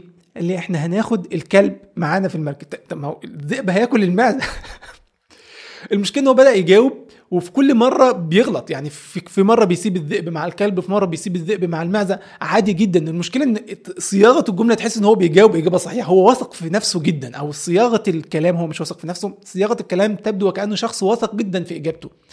ودي مشكلة ليه؟ لأن أنا في الحالة دي أنا عارف إن الإجابة غلط. بس لو شخص تاني بيسأل في مجال تاني مجال طبي مثلا تخيل واحد بيسأله على مرض معين والشخص ده ما يعرفش إن الكلام اللي بيقوله ده غلط ساعتها الثقل اللي ظاهره في الكلام دي في ترتيب الكلمات والتنسيق اللي ظاهر في الكلام ده هيوهمه إن دي إجابة صحيحة جدا. وزي ما قلنا الناس بتتكاسل الناس بد- بدأت تكسل تروح تبحث على الإنترنت وتروح تستخدم البرامج دي خاصة لما تنتشر أكتر. فالشخص هينفذ ال- ال- المعلومات اللي بيقولها دي ممكن يبقى في خطر على صحته. فدي مشكلة إن هو بيهلوس بيجاوب إجابة غلط لكن ما, هو نفسه مش عارف إن هي غلط. وما يقدرش يستدل إن هي صحيحة. ما هو انت رجعت لنفس المشكلة. لو أنا قلت طب ليه بقى شركة OpenAI ولا جوجل ما يعملوش إيه مرحلة استدلال قبل ما يجاوب؟ يعني ما يبقاش بيتكلم بس لا خليه يفكر الأول بعدين يتكلم يعمل استدلال منطقي. ما إحنا كده رجعنا للمشكلة الأساسية بتاعت الذكاء الاصطناعي التقليدي. وأنا إزاي أقدر أساسا أستدل على أي مجال؟ ما هو الهدف من البرامج دي إن أنت تسألها في أي مجال عمل وعلم هندسي فيزياء علوم كيمياء أدب تاريخ. إزاي أقدر أتأكد إن المعلومة اللي بيقولها صحيحة أصلا؟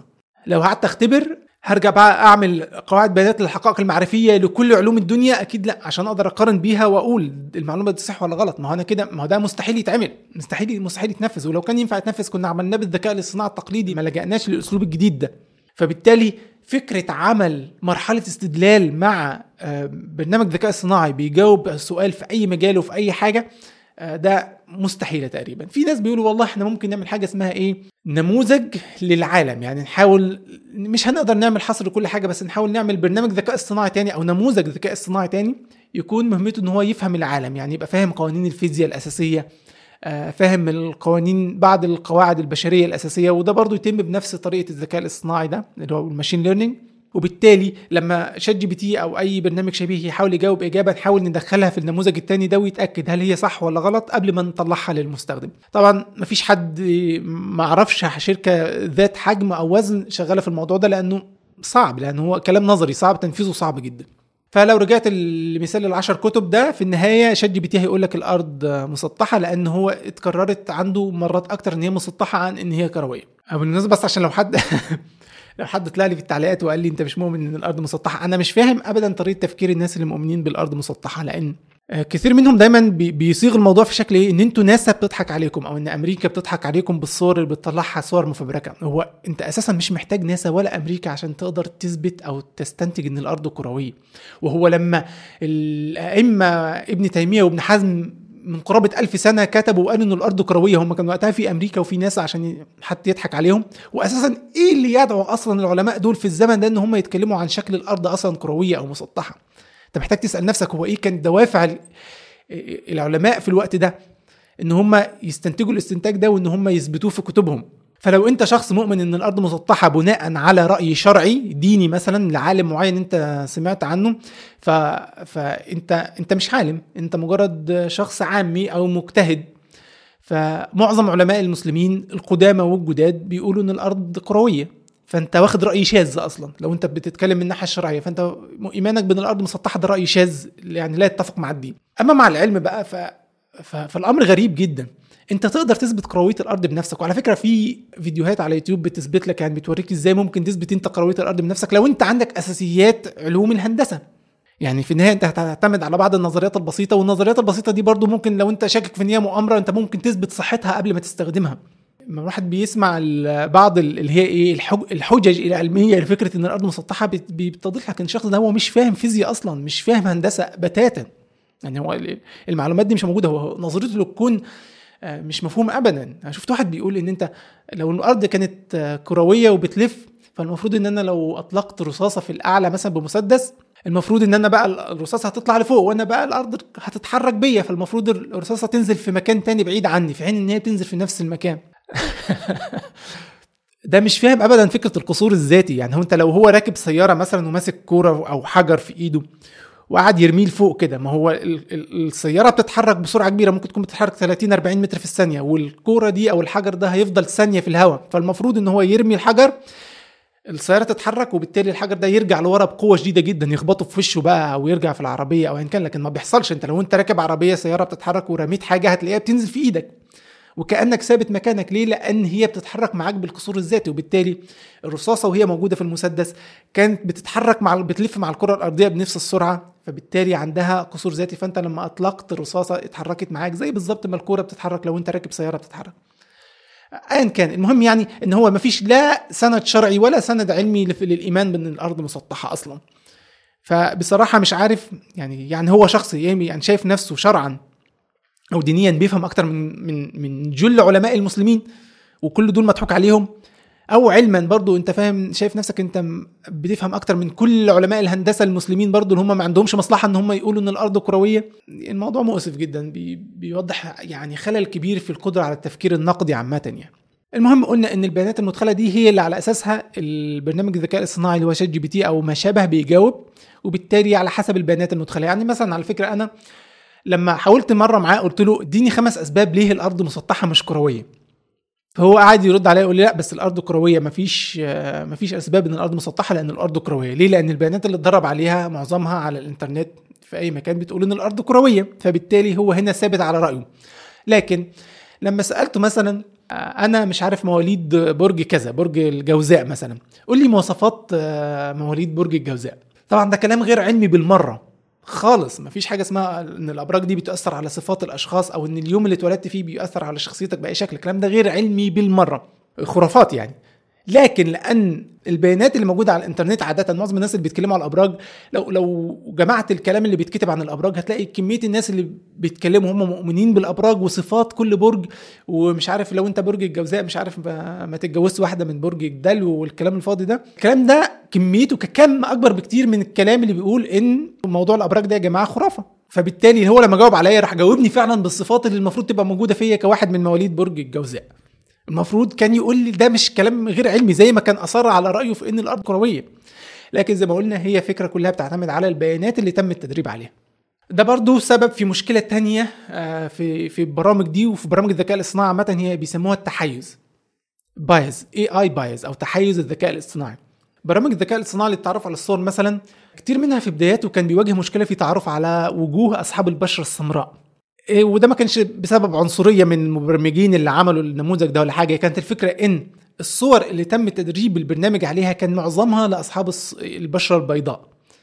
فالبيانات اللي اتدرب عليها لأصحاب البشرة السمراء كانت قليلة فكانت قدرته على التعرف على وجوههم أقل. فهنا البرنامج بيظهر كان عنده تحيز ضد أصحاب البشرة السمراء في حين إن ده غير حقيقي هي كانت مشكلة بيانات من الأساس. كذلك برضو لما نيجي هنا نتكلم على حاجة زي شات جي بي تي.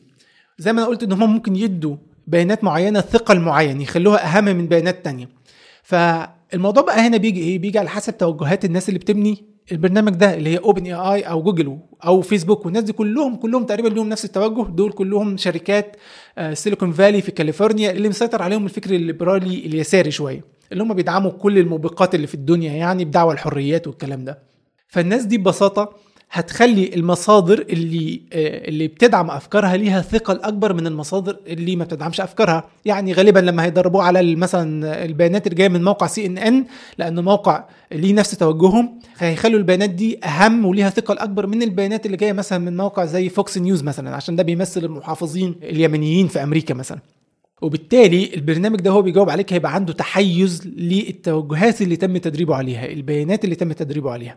وهم ما زالوا شغالين حاليا إن هم يخلوها متوافقة أكتر حتى مع أفكارهم وتوجهاتهم الاجتماعية والسياسية. يعني ChatGPT في بداية ظهوره كان ممكن يجاوبك على الأسئلة بشيء يخالف توجهاتهم بناء على البيانات اللي هو اتدرب عليها لأن هم ما يقدروش يسيطروا على كل البيانات طبعا لأن إحنا بنتكلم على كم مهول من البيانات على الإنترنت.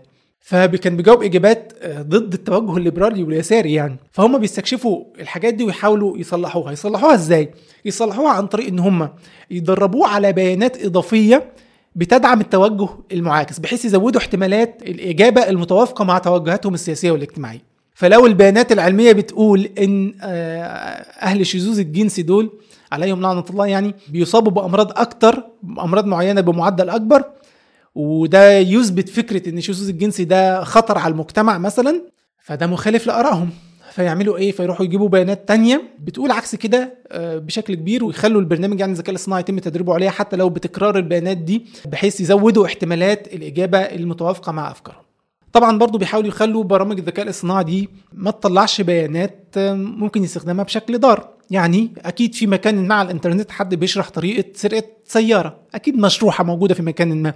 فأنت لو سألت البرنامج ده إزاي أقدر اسرق سيارة يعني أقتحم سيارة مثلا أفتح القفل بتاعها و...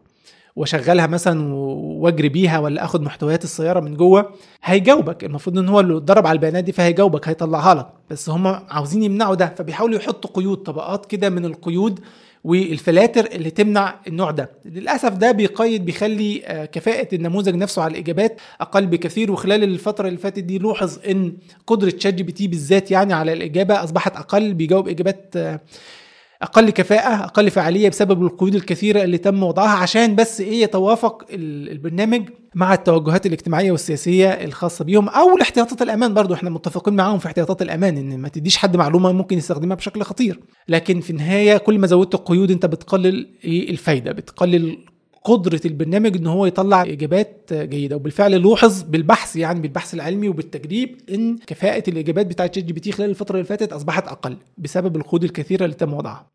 لكن مع كل ده يظل في الواقع ChatGPT يعتبر برضو قفزة نوعية في برامج الذكاء الاصطناعي وإن فعلا فعلا هيكون له تأثير كبير على كثير من الوظائف. فخلينا نتكلم عن الجزئية دي تأثيره على بعض الوظائف. اولا بالنسبة للمبرمجين ChatGPT ممكن تقول له مثلا اكتب لي كود بيعمل كذا وتدي له مهمة معينة فيكتب لك الكود فعلا. وإن كان في كثير من الأحيان الكود اللي بيكتبه بيكون خاطئ ولازم تجربه قبل ما تستخدمه.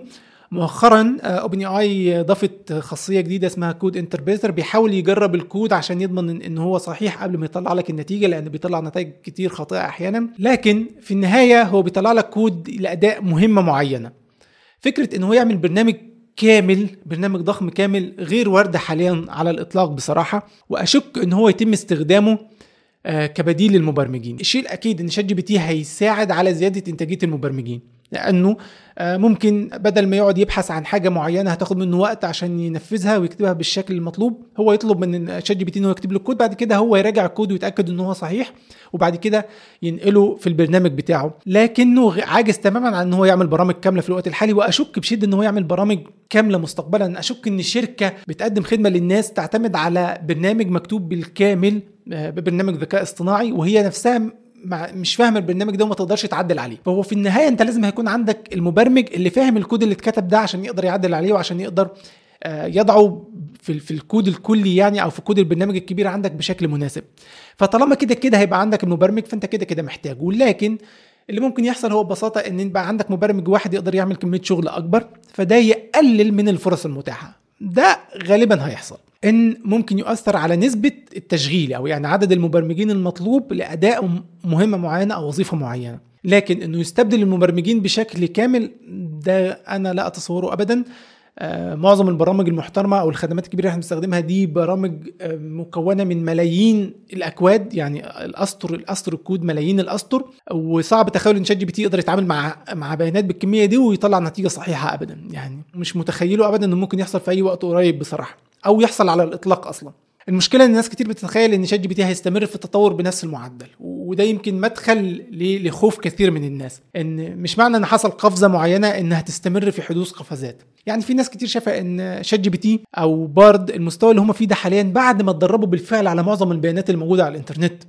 فأنا مش متخيل إن أنت لما يتدربوا على باقي البيانات هيحصل قفزة أكبر في في المستوى. آه بعض التحسينات هتتم بشكل أكيد يعني الشيء الأكيد إنه هيتطور إنه هيتحسن بس مش بنفس المعدل اللي تخليه يقدر قادر ان هو يعمل آه، برامج ضخمة كاملة لوحده. أما بالنسبة للبرامج الصغيرة دي فأنت أساسا كده كده ما كنتش محتاج حد يكتبها لك لانك هتلاقيها جاهزة موجودة على الإنترنت يعني وتقدر تاخدها تعدل عليها. عملية تطوير البرمجيات عموما محتاجة أكتر من جزئية كتابة الكود.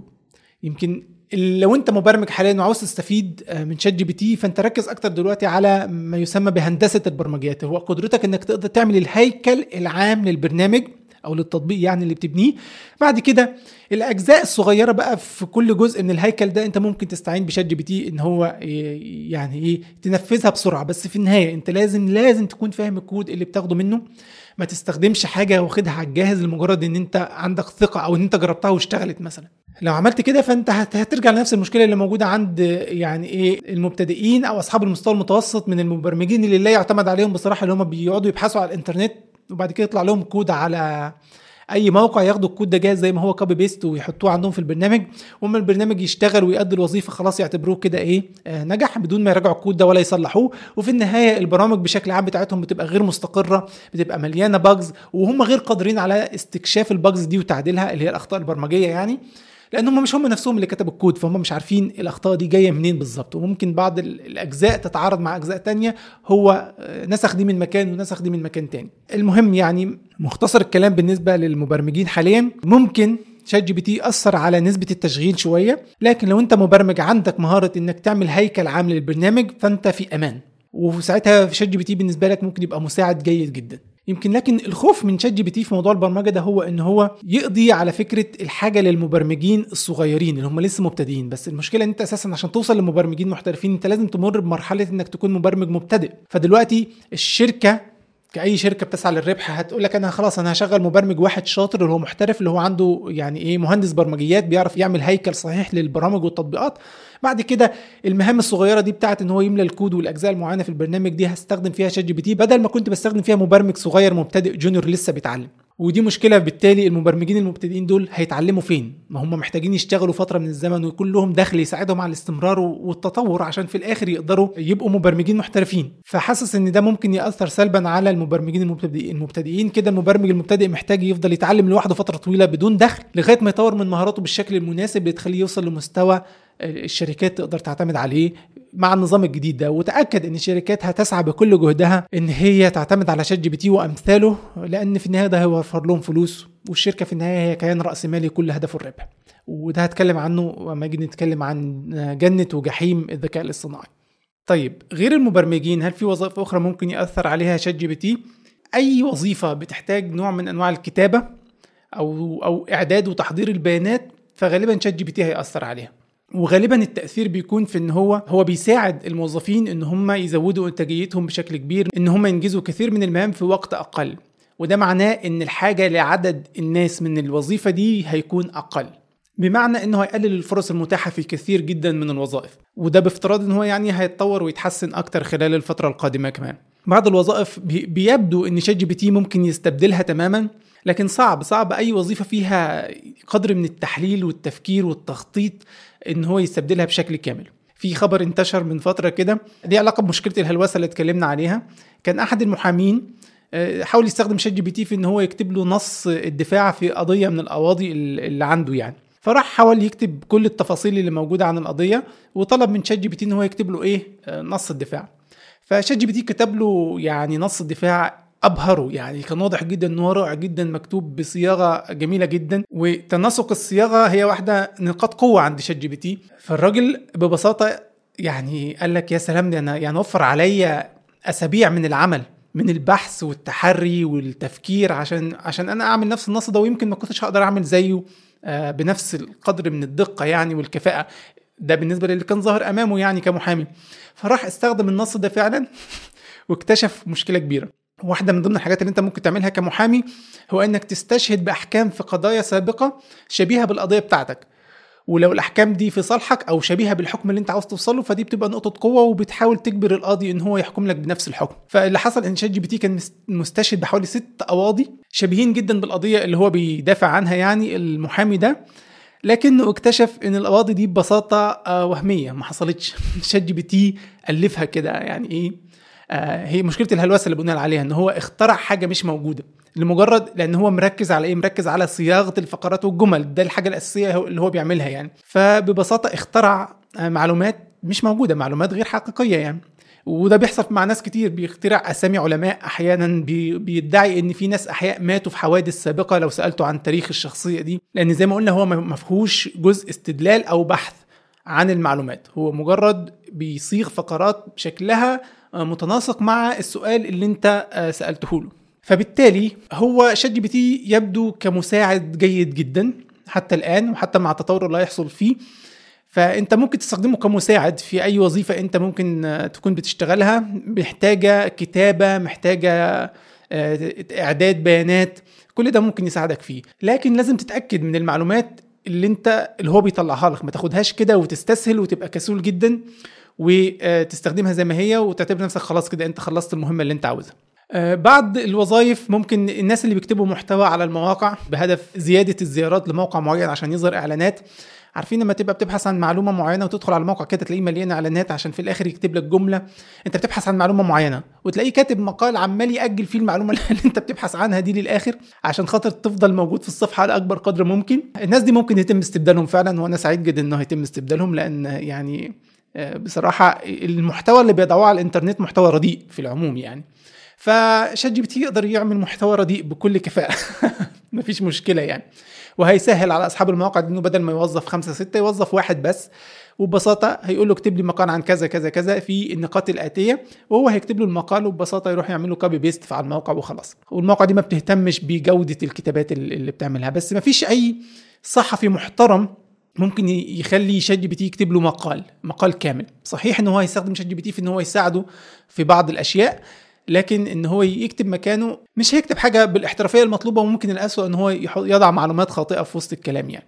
بالمناسبة مشكله مشكلة الهلوسة والتحيز دي يصعب جدا جدا حلها. هي حاجة هتفضل موجودة آه، في أي نموذج لغوي كبير اللي هي ال large language models دي LLMs لأن هي هي هي حاجة في طبيعة ال system نفسه. هي معتمدة على البيانات. هو ال system ده مبني على البيانات اللي تم تدريبه عليها والبيانات فيها مشاكل. لأن أنت بتدربه على أكبر قدر ممكن من البيانات على الإنترنت والإنترنت مليانة كلام فاضي وكلام فارغ وكلام غير صحيح. يعني يذكر إن كانت مايكروسوفت مرة عملت يعني حاجة كده شبيهة برضو بال chatbots دي بس كان إيه مجرد agent بيشتغل على تويتر. يعني كأنه برنامج ذكاء اصطناعي كأنه شغال كأنه مستخدم على تويتر.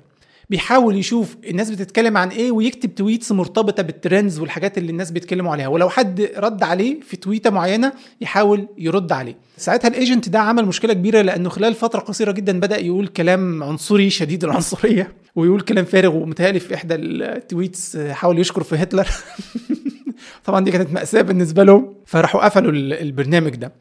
ليه؟ لأن هو هو ببساطة بيعتمد في الرد على البيانات الموجودة والبيانات اللي موجودة سيئة جدا على تويتر. ال tweets اللي الناس بتكتبها بتكتب حاجات في منتهى القذارة والهبل. خاصة الموضوع ده كان قديم يعني كان من كام سنة. كان قبل ما تويتر يبتدي يعمل حملات تنظيف كده معينة. وإن كانت حملات التنظيف اللي بيعملها تويتر للأسف كانت يسارية جدا يعني. آه كانت بتخدم الاتجاه الليبرالي اليساري اللي إحنا بنقول عليه. وعشان كده إيلون ماسك بعد ما اشترى تويتر سرح آلاف الموظفين. كانت كل شغلتهم إن هم يراقبوا المحتوى ليس إلا ويحاولوا يعني إيه يتأكدوا إن هو متوافق مع الأجندة الليبرالية اليسارية يعني. عموما ده مش موضوعنا. الفكرة زي ما قلت لك هي إن مشكلة التحيز ومشكلة الهلوسة مشكلة أصيلة في النماذج اللغويه الكبيرة اللي هي زي شات جي بي تي أو بارد فهي ممكن يقللوا منها وكل ما بيحاولوا يقللوا منها هم في نفس الوقت بيقللوا كفاءة النموذج ده. يعني شات جي بي تي عشان يحاول يقلل من المشاكل دي في قدرته على الرد على الأسئلة إجابات تكون مفيدة أو ما يبحث عنها الشخص اللي بيسأل يعني. طيب في نهاية كلامي عن النماذج اللغويه الكبيرة دي شات جي بي تي وامثاله هل هي فعلا تصلح كاتجاه للوصول لل AGI أو الذكاء الاصطناعي العام؟ الحقيقة لا وده مش كلامي يعني إحنا كلام كثير من المتخصصين.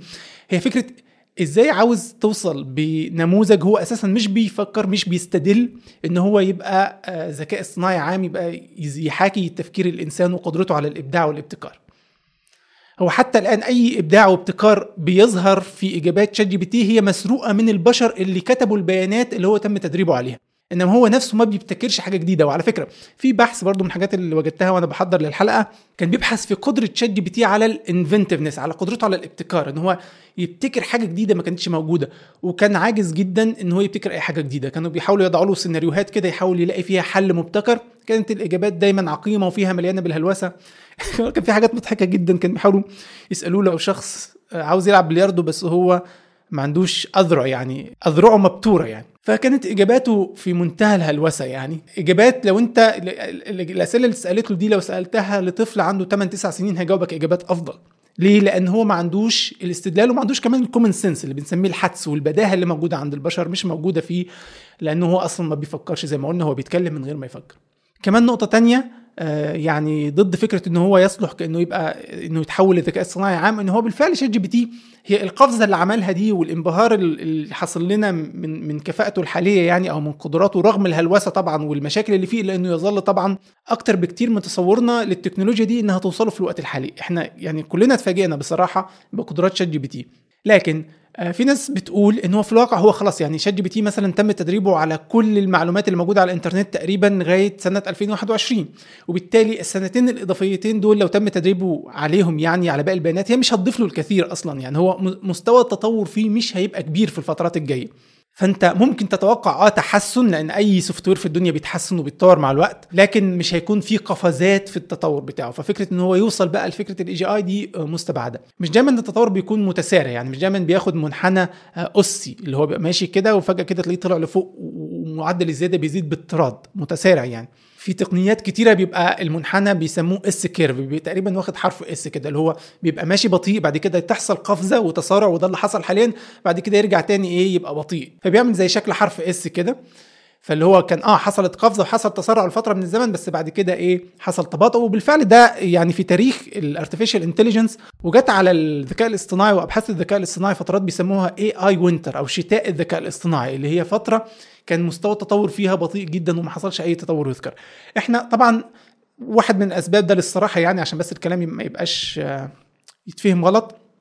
واحدة من أسباب شتاء الذكاء الاصطناعي ده هو إن كان الشركات توقفت عن الاستثمار فيه، لكن ده بصراحة مش متوقع إنه يحصل في الفترة القادمة، بالعكس كل الشركات دلوقتي بتستثمر بقوة في الذكاء الاصطناعي، وكله بيدفع يعني أكبر المستفيدين حاليا هو الشركات اللي بتصنع الهاردوير اللي بيتم تدريب الذكاء الاصطناعي عليه شركات زي انفيديا مثلا دي دلوقتي حاليا يعني بتجني أرباح مهولة. عارف ال ال في ناس كتير بتشبه الوضع الحالي عامل زي إيه؟ زي في, في فترة في, في التاريخ الأمريكي كده حاجة اسمها جولد راش كانت فترة انتشرت فكرة إن في أماكن في أمريكا فيها ذهب أي حد ممكن يروح وينقب عن الذهب وطبعا الذهب اللي بتلاقيه بتاخده أنت لنفسك.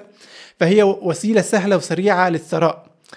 وده كان حقيقي. كان في أماكن كتير فيها ذهب بس كمية الذهب كانت ضئيلة جدا على كمية الناس اللي بتنقب عن الذهب فناس كتير تركت أشغالها وأعمالها وراحت تنقب عن الذهب. آه، بس حقيقة ما اختنوش. معظمهم لم يختني بأي شكل من الأشكال. لكن بيقولوا إن اللي اختنى في الفترة دي مين؟ مش اللي راحوا ينقبوا عن الذهب.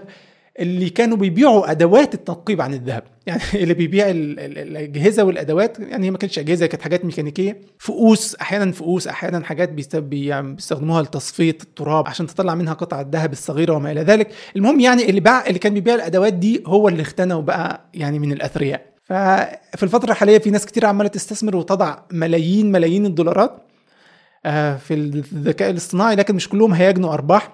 لكن الشيء الأكيد إن الشركات اللي بتصنع ال hardware زي انفيديا هي اللي عماله تجني الأرباح حاليا. فخلاصة القول في النماذج اللغوية الكبيرة إن هي قفزة كبيرة لكنها يعني أستبعد إن هي تكون هي الطريق للوصول لل AGI يعني إلا إذا إذا حصلت قفزة تانية قدروا يضيفوا مرحلة أو آه، module لفكرة الاستدلال والتفكير. وده في تخيلي صعب جدا. مش تخيلي أنا لوحدي يعني أنا قرأت كثير من الناس بيقولوا إن هو صعب جدا. أه بس فده بالنسبة للنماذج اللغوية الكبيرة.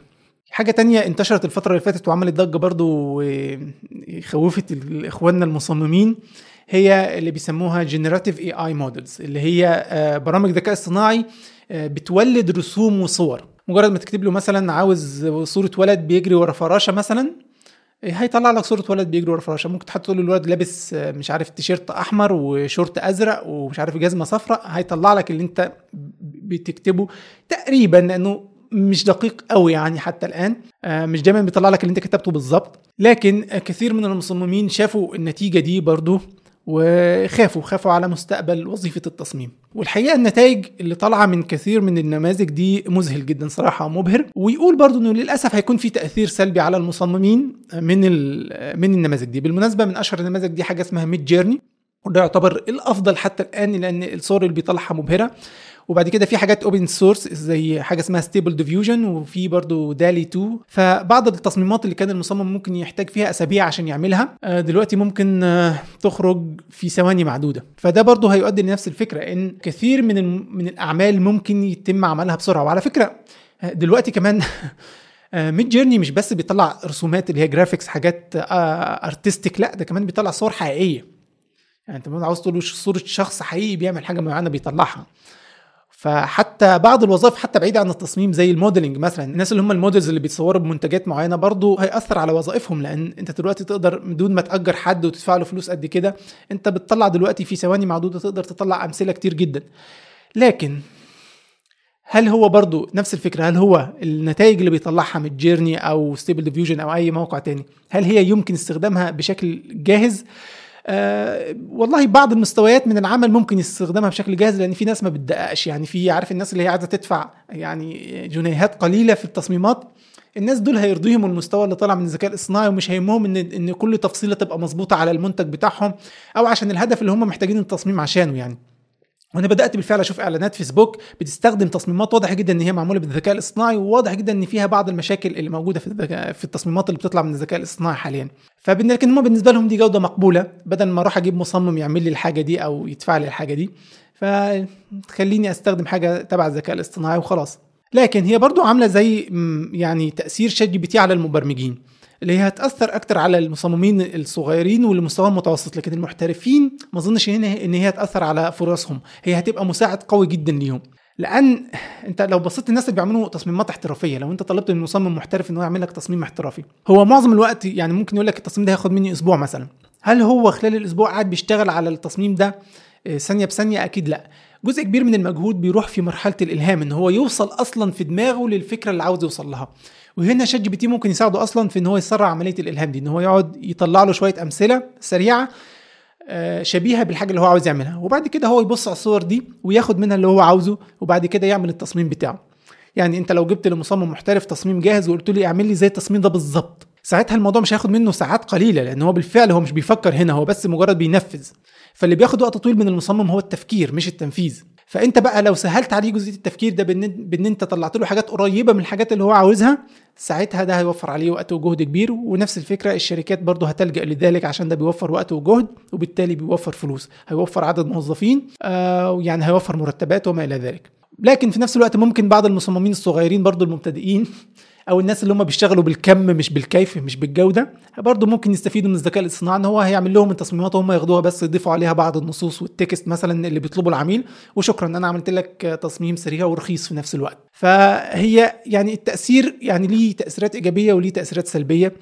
آه في حاجات هتبقى أرخص وفي نفس الوقت ده هيأثر على مستوى الشركات. ممكن يتحول لفكرة إن هيبقى فيه مستويات شعبية من التصميم وفي مستويات إيه خاصة يعني اللي هو بقى الشركات الكبيرة البراندز اللي هي ما ينفعش تستخدم أي حاجة والسلام دي بقى لازم لا تلجأ لشركة تصميم تعمل لها الحاجة اللي هي محتاجاها بالظبط. ما ينفعش تستخدم الحاجات اللي هي إيه عملها الذكاء الاصطناعي كده اللي هي قريبة من الحاجات اللي هم عاوزينها لكنها مش بالظبط الحاجات اللي هم عاوزينها. لأن دي المشكلة الأساسية حاليا في التصميم إن أنت بتكتب له انت ما تقدرش يعني بالذكاء الاصطناعي حتى الآن اللي هو بال models اللي بنتكلم عليها دي اللي هي generative art ما ينفعش يبقى فيه تصور تصميم معين في مخك بالظبط وتقدر تطلعه بالذكاء الاصطناعي. ده حتى الآن غير ممكن.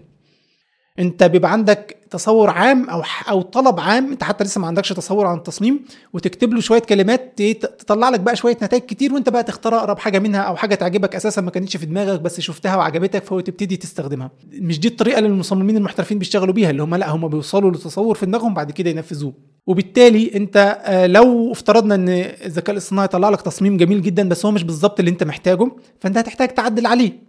وفي الحالة دي لو هو التصميم أصلا طالع شكله جميل واحترافي فلازم اللي يعدل عليه يبقى شخص محترف عشان التعديل يبقى مظبوط. وبالتالي الحاجة للمصممين المحترفين هتفضل موجودة ما أظنش إن هي تقل. لكن زي ما قلت كده اللي هم أصحاب المستوى المتوسط والمبتدئ يا إما هيشتغلوا في الحاجات اللي هي بسيطة جدا اللي هي الحاجات الرخيصة اللي هي مش هتطور من مستواهم لأن هو هيستخدم الذكاء الاصطناعي في إن هو يطلع له الجرافيك وهو يا دوب يضيف عليه حاجات بسيطة زي نصوص وكده فهو مش هيطور من مهارته في حاجة. فهي نفس المشكلة برضو مع البرمجة من وجهة نظري إن هي ممكن تأثر على تطور مستوى كثير من الناس اللي هم المبتدئين.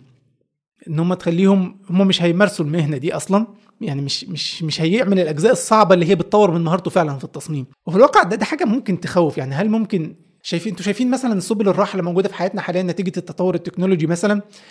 كان ليها أثر سلبي على صحتنا. إحنا ما بقيناش نتحرك كتير بقينا كسالى أكتر. لأن إحنا دايما بنستسهل دايما طالما إن في جهاز أو ماكينة تقدر تعمل لي الحاجة دي فليه أتعب نفسي وأعملها بنفسي؟ نتيجه ده إن إحنا بنضعف في جوانب في حياتنا بتضعف قدراتنا الجسدية بتضعف مثلا. فلو إحنا ابتدينا نستخدم أدوات الذكاء الاصطناعي دي كمان في جزئية التفكير اللي هي الحاجة اللي كانت بتميزنا أكتر كبشر يعني فهت كثير من مهاراتنا الذهنية كمان هتبتدي تضعف زي ما كثير من قدراتنا الجسدية ضعفت. فالأعمال اللي كان بيعملها المصممين الأعمال المبهرة الرسومات الدقيقة المبهرة دي يعني دلوقتي عدد قليل من الناس هيبقى بيتجه ليها لأن ممكن تعمل يعني حاجات في نفس المستوى بالذكاء الاصطناعي وبسهولة واي حد حتى ما كانش مصمم ولا عنده يعني الرغبة في إن هو يرسم أو يصمم بنفسه بس دلوقتي الموضوع بقى ممتع. أنا بشوف ناس بتستخدمه كلعبه الموضوع ممتع جدا. إنك تقعد تكتب كلمات وتروح مطلع لك تصميم جميل مبهر. ما كانش موجود قبل كده.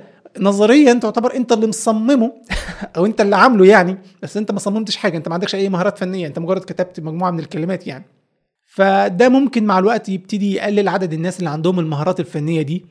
وكذلك برضو في ناس خايفة إن ChatGPT يبتدي يأثر على قدرات الناس في البحث.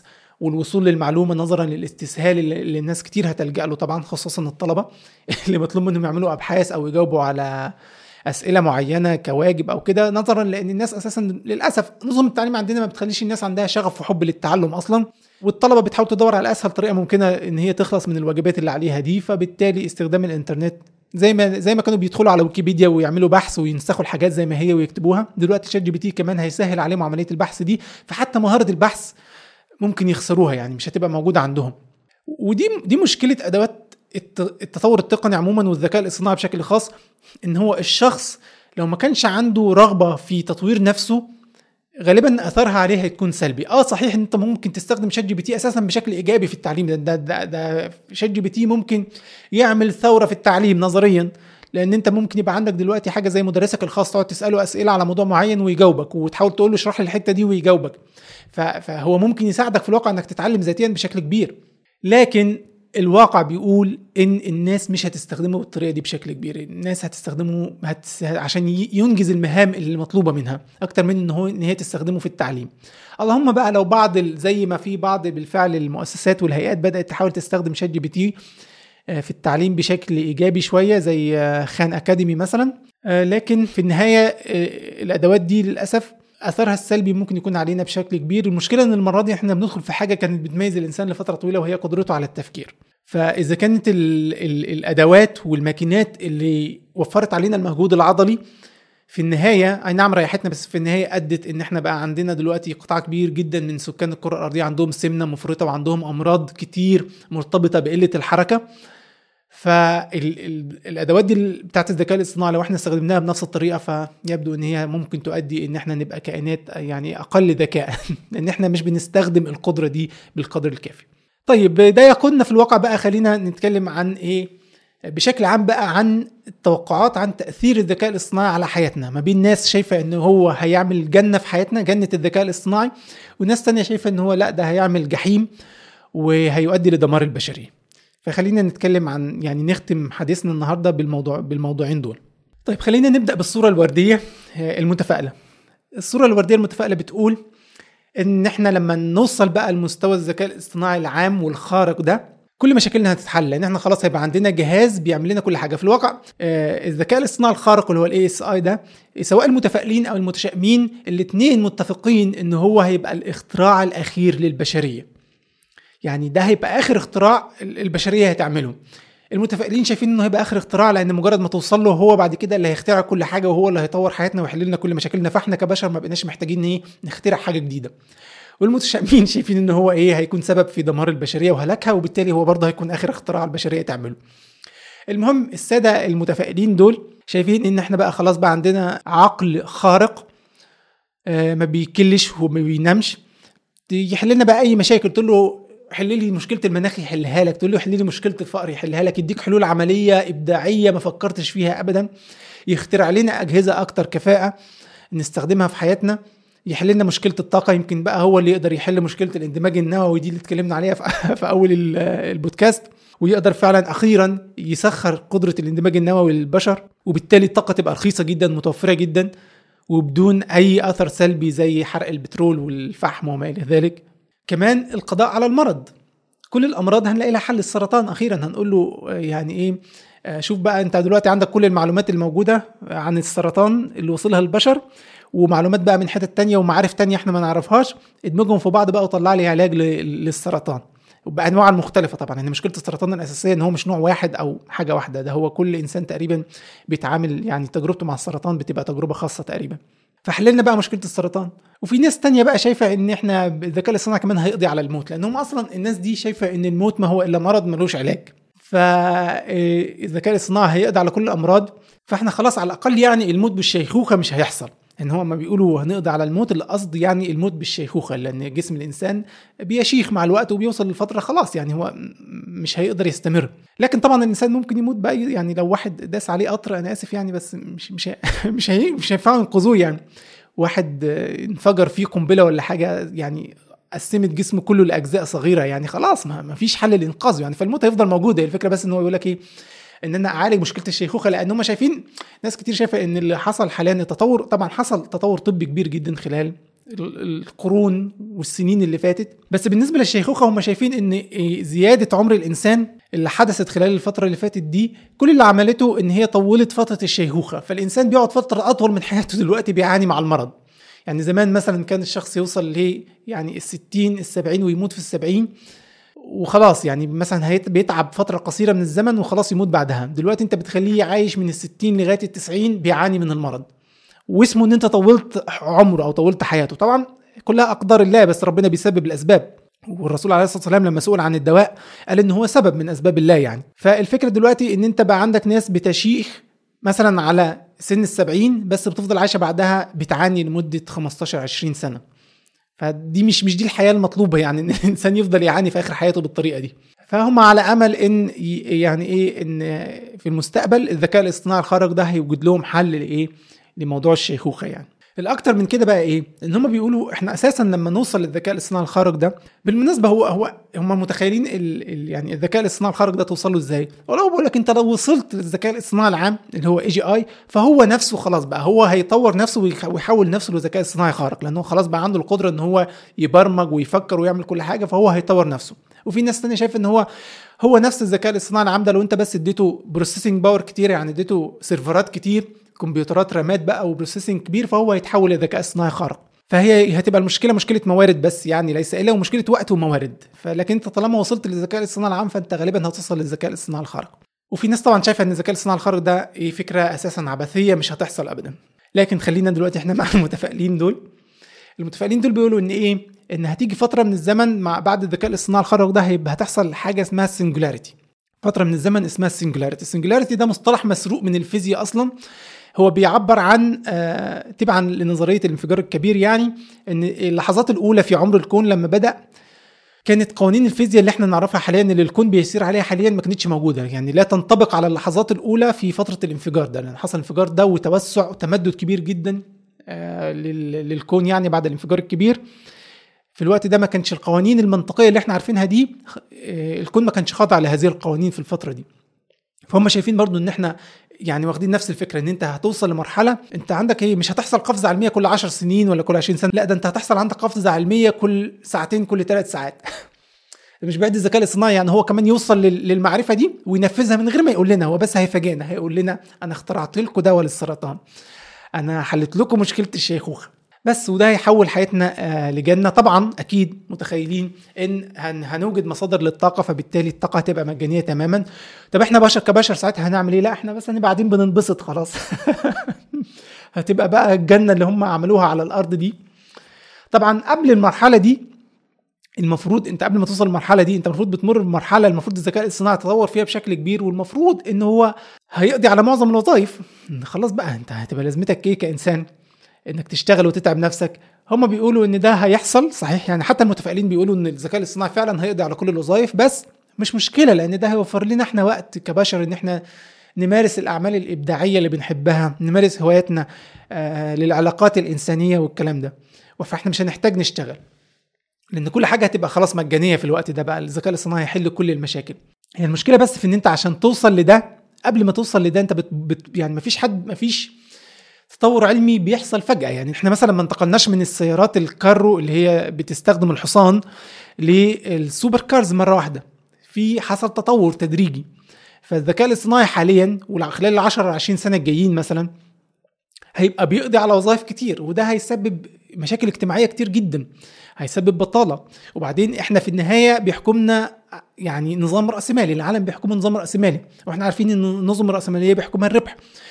ودي المشكلة المشكلة المشكلة الاساسيه في الناس اللي خايفة من تأثير الذكاء الاصطناعي على وظائفها مشكلتهم الأساسية مش مع الذكاء الاصطناعي. الذكاء الاصطناعي لو فكرت فيها هو هيشتغل معاك كمساعد جيد يعني هيوفر لك وقت. فأنت تقول والله لو التقنية هدفها إسعاد الإنسان وخلاص وإحنا كلنا متفقين على ذلك فخلاص تمام يبقى إحنا نقلل عدد ساعات العمل والناس كده كده هتقدر باستخدام أدوات الذكاء الاصطناعي ده تنجز نفس القدر من العمل وبالتالي يخرجوا بقى يمارسوا هواياتهم أو يقعدوا مع أسرهم وأطفالهم والكلام ده. لكن هل ده هيحصل؟ هل الشركات هتعمل كده؟ هل الشركات هتسمح بده لما توفر وقت الموظفين؟ لا. اللي هتعمله إن هي هتقلل عدد الموظفين وهتخليهم يشتغلوا نفس ساعات العمل. إيه، أصحاب الشركات أصحاب رؤوس الأموال هدفهم تعظيم أرباحهم على حساب الناس والموظفين. ففكرة إن الذكاء الاصطناعي هنا هيريح الناس ده مش هيحصل بالعكس هيسبب أزمة في نقص الوظائف. وهنا عايز أناقش فكرة برضو ناس كتير بتقولها. هل ثورة الذكاء الاصطناعي هتبقى زيها زي الثورة الصناعية اللي هي في ناس كتير لما بدأت الثورة الصناعية في يعني في القرن ال 18 قالوا إن هي هتقضي على الوظائف برضه والناس مش هتلاقي حاجة تعملها لكن اللي حصل إن هي تسببت في وظائف أكتر للناس. لأن فجأة العالم بقى محتاج سيارات بقى محتاج غسالات بقى محتاج أجهزة قطورات ماكينات فبقى في كم كبير جدا من المنتجات ما كانش الإنسان بيفكر فيها أصلا قبل الثورة الصناعية بقى مطلوب. فساعتها الناس معظمها كان في الأول بيشتغل في الزراعة فدلوقتي بعد كده تحولوا إن هم يشتغلوا في الصناعة. ففي وظائف كتير نشأت بقى ما كانتش موجودة قبل كده وشغلت كل الناس اللي كانوا بيشتغلوا في الزراعة وبالتالي ما لم تحدث البطالة اللي الناس كانت بتتوقعها. فهل ده هيحصل مع الذكاء الاصطناعي؟ الحقيقة لا. وإحنا متابعين من فترة طويلة إن حتى التطور اللي بيحصل في في الميكنة عامة والاوتوميشن إن الشركات حتى المصانع دلوقتي بقت تحتاج عدد موظفين أقل. أي تقنية جديدة بطبيعة الحال هتؤثر على الوظائف الموجودة تأثير سلبي وتأثير إيجابي. لكن مش شرط يكون التأثير متوازن. نفس التأثير السلبي هيبقى مقابله تأثير إيجابي. فمثلا دلوقتي شركات السيارات مثلا إحنا لو قلنا إن العالم هيتحول للسيارات الكهربائية وبالتالي محتاجين نستبدل كل السيارات اللي موجودة في العالم. فإحنا دلوقتي في الواقع باستخدام آه، أدوات الميكنه والذكاء الاصطناعي دلوقتي إحنا محتاجين عدد أقل جدا من العمال في المصانع عشان ننتج نفس عدد السيارات. فإحنا استبدلنا المصانع القديمة بمصانع جديدة بتستخدم عدد أقل بكثير جدا من العمال والموظفين. وده اللي بيعمله الذكاء ده الملاحظ حاليا إن معظم التطورات التقنية في مجالات التصنيع والعمل آه، بتؤدي للأسف لقلة عدد الموظفين. كمان في نقطة أخرى مهمة محتاجين نفهمها إن في الثورة الصناعية اولا وقتها عدد سكان العالم كان تقريبا مليار إنسان. وف من مليار إنسان ل 7 مليار مثلا أو 8 مليار حاليا فكان في عدد كبير جدا من الزيادة في عدد السكان يتطلب عدد كبير جدا من الزيادة في الإنتاج اللي يغطي العدد ده من الناس. بالإضافة كمان إن الثورة الصناعية عمرها طويل يعني هي استمرت وهي مستمرة مثلا نقول أكتر من 100 سنة 150 سنة ومستمرة معانا حتى الآن. فده وقت كافي إن الناس إيه تتكيف مع الوضع. على عكس للأسف الثورة اللي بتحصل الرقمية والذكاء الاصطناعي. لو أنت لاحظت حاليا هتلاقي أي حاجة معتمدة على software آه، برامج بتوصل لنا بسرعة أكتر بكتير من الحاجات المعتمدة على ماكينات أو hardware ليه؟ لأن ده سهل جدا. سهل جدا دلوقتي إن أنت واحد في مصر إنك تستخدم أدوات الذكاء الاصطناعي دي. يعني هي خلال أسابيع أو أيام من ظهورها في أمريكا أنت بتستخدمها هنا في مصر. نفس الكلام ما بيحصلش بالنسبة للماكينات والأجهزة كلنا عارفين ده. بالإضافة إن تصنيع المزيد من الماكينات يعني لو افترضنا إن هم اكتشفوا طريقة جديدة فعاله أكثر كفاءة في تصنيع السيارات مثلا. فهم عشان يعملوا المصنع ده بالماكينات الجديدة بتاعته ده محتاج سنوات عشان تصنع الماكينات الجديدة دي الذكية وعشان بعد كده تستوردها وتحطها في بلدك وتستخدمها. بالإضافة كمان إن في ناس كتير هتفضل تستمر في استخدام الماكينات القديمة لأن هي استثمرت فيها مبالغ كبيرة جدا. فحتى لو في حاجات جديدة ظهرت مش هيظلوا يستخدموا الحاجات القديمة لأن هم استثمروا فيها قدر كبير من المال وبالتالي ممكن يكون ال ال الأكثر ربحا بالنسبة لهم إن هم يستخدموا الحاجات القديمة عن إن هم يدفعوا يعني مبالغ ضخمة في ماكينات جديدة. فده بيحافظ على النوع ده من الوظائف إن هو يستمر لفترة أطول. في حين الحاجات المرتبطة بالسوفت وير غير مكلفة تقريبا إنك تبدأ في استخدامها الموضوع غير مكلف.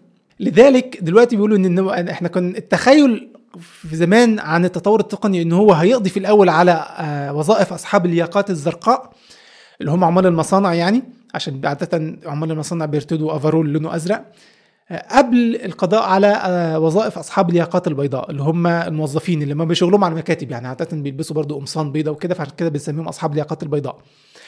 لكن اللي حصل مع ثورة الذكاء الاصطناعي حاليا دي أو الثورة الرقمية عموما والإنترنت مش بس ثورة الذكاء الاصطناعي إن اتضح إن أصبح من السهل الآن أو الأسهل والأسرع إنك تقضي على كثير من وظائف أصحاب الياقات البيضاء آه، عن أصحاب الياقات الزرقاء يعني.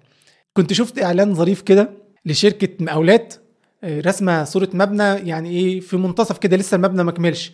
وبعد كده كاتبين إن هي حاطين يافطة مطبعينها على المبنى بيقولوا إيه هي ChatGPT complete this building يعني إيه؟ بيطلبوا من ChatGPT إن هو يكمل لهم بناء المبنى. طبعا دي طريقة ساخرة. لأن ChatGPT يعني إيه علاقته بانه ما يقدرش يعمل حاجة physical في الحياة الطبيعية يعني. فهو عاوز يقول إيه؟ إن عملية البناء أو صناعة البناء دي محتاجة ناس بتشتغل بإيديها محتاجة مهندسين محتاجة ماكينات. فبالتالي إحنا شغالين فرصنا في العمل كبيرة ما حدش يقدر يستبدلنا.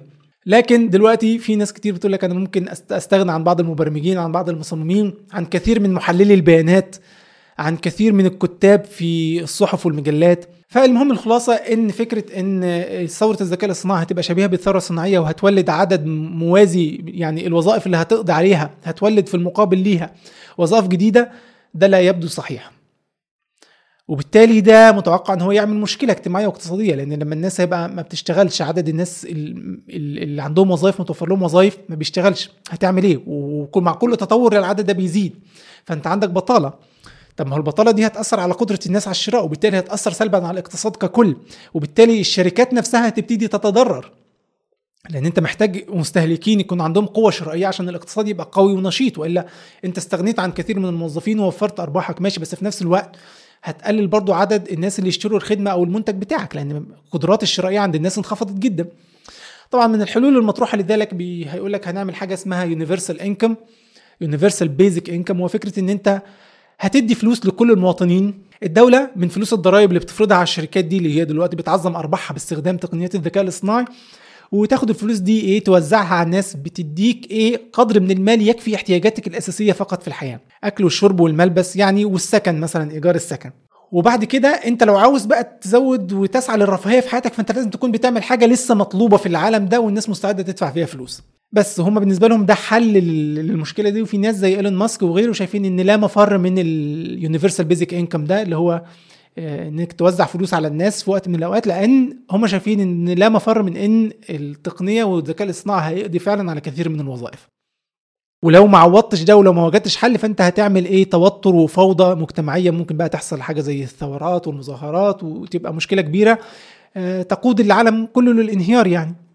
لكن الجماعة المتفائلين طبعا مش شايفين كده شايفين إن إحنا هنحل المشكلة دي بموضوع اليونيفرسال بيزك انكم ده والدخل اللي هنوزعه على الناس وأنت بقى هتقضي وقت مع أطفالك مش هتبقى محتاج تشتغل ساعة على الأقل ممكن ما تبقاش محتاج تشتغل خالص أو مش محتاج تشتغل ساعات طويلة. فتلاقي وقت تلاقي وقت بقى تمارس هواياتك وتقعد مع أطفالك والكلام ده والحياة تبقى لذيذة ظريفة جدا بعد القضاء على الأمراض والحاجات دي. طيب هو هل تفاؤلهم الشديد ده مبرر؟ هما بيقولوا إيه؟ بيقول لك أنت لو لاحظت إن مثلا مستوى التطور اللي حصل من سنة 1500 مثلا من القرن ال 15 لغاية مثلا 1750 اللي هو قبل الثورة الصناعية بالظبط 250 سنة التطور اللي حصل خلال الفترة دي يعتبر قليل جدا. يعني أنت لو خدت شخص لو معاك آلة زمن وخدت شخص من سنة 1500 وطلعت بيه 250 سنة في المستقبل ويعني آه، طلعت بيه في سنة 1750 قبل الثورة الصناعية على طول. الشخص ده مش هيلاحظ في حياة الناس أي تطور كبير مختلف عن حياته اللي كان عايشها من 250 سنة. ما زالت المركبات بتستخدم الحيوانات في الجر آه، ما زال الناس عايشين على الزراعة. صحيح إنه ممكن نلاحظ بعض الأدوات اللي اتطورت شوية في الزراعة وفي الصناعة اليدوية لكن مش حاجة هتبقى يعني حاجة ممكن يوصفها إن هي سحر. هيبقى بالنسبة له تطور كبير وكل حاجة بس مش إيه مش مش مش حاجة تاخد العقل يعني. في حين إن أنت لو خدت شخص من سنة 1750 دي وطلعت بيه 250 سنة للمستقبل سنة 2000 وقتها ده بقى هيتصدم.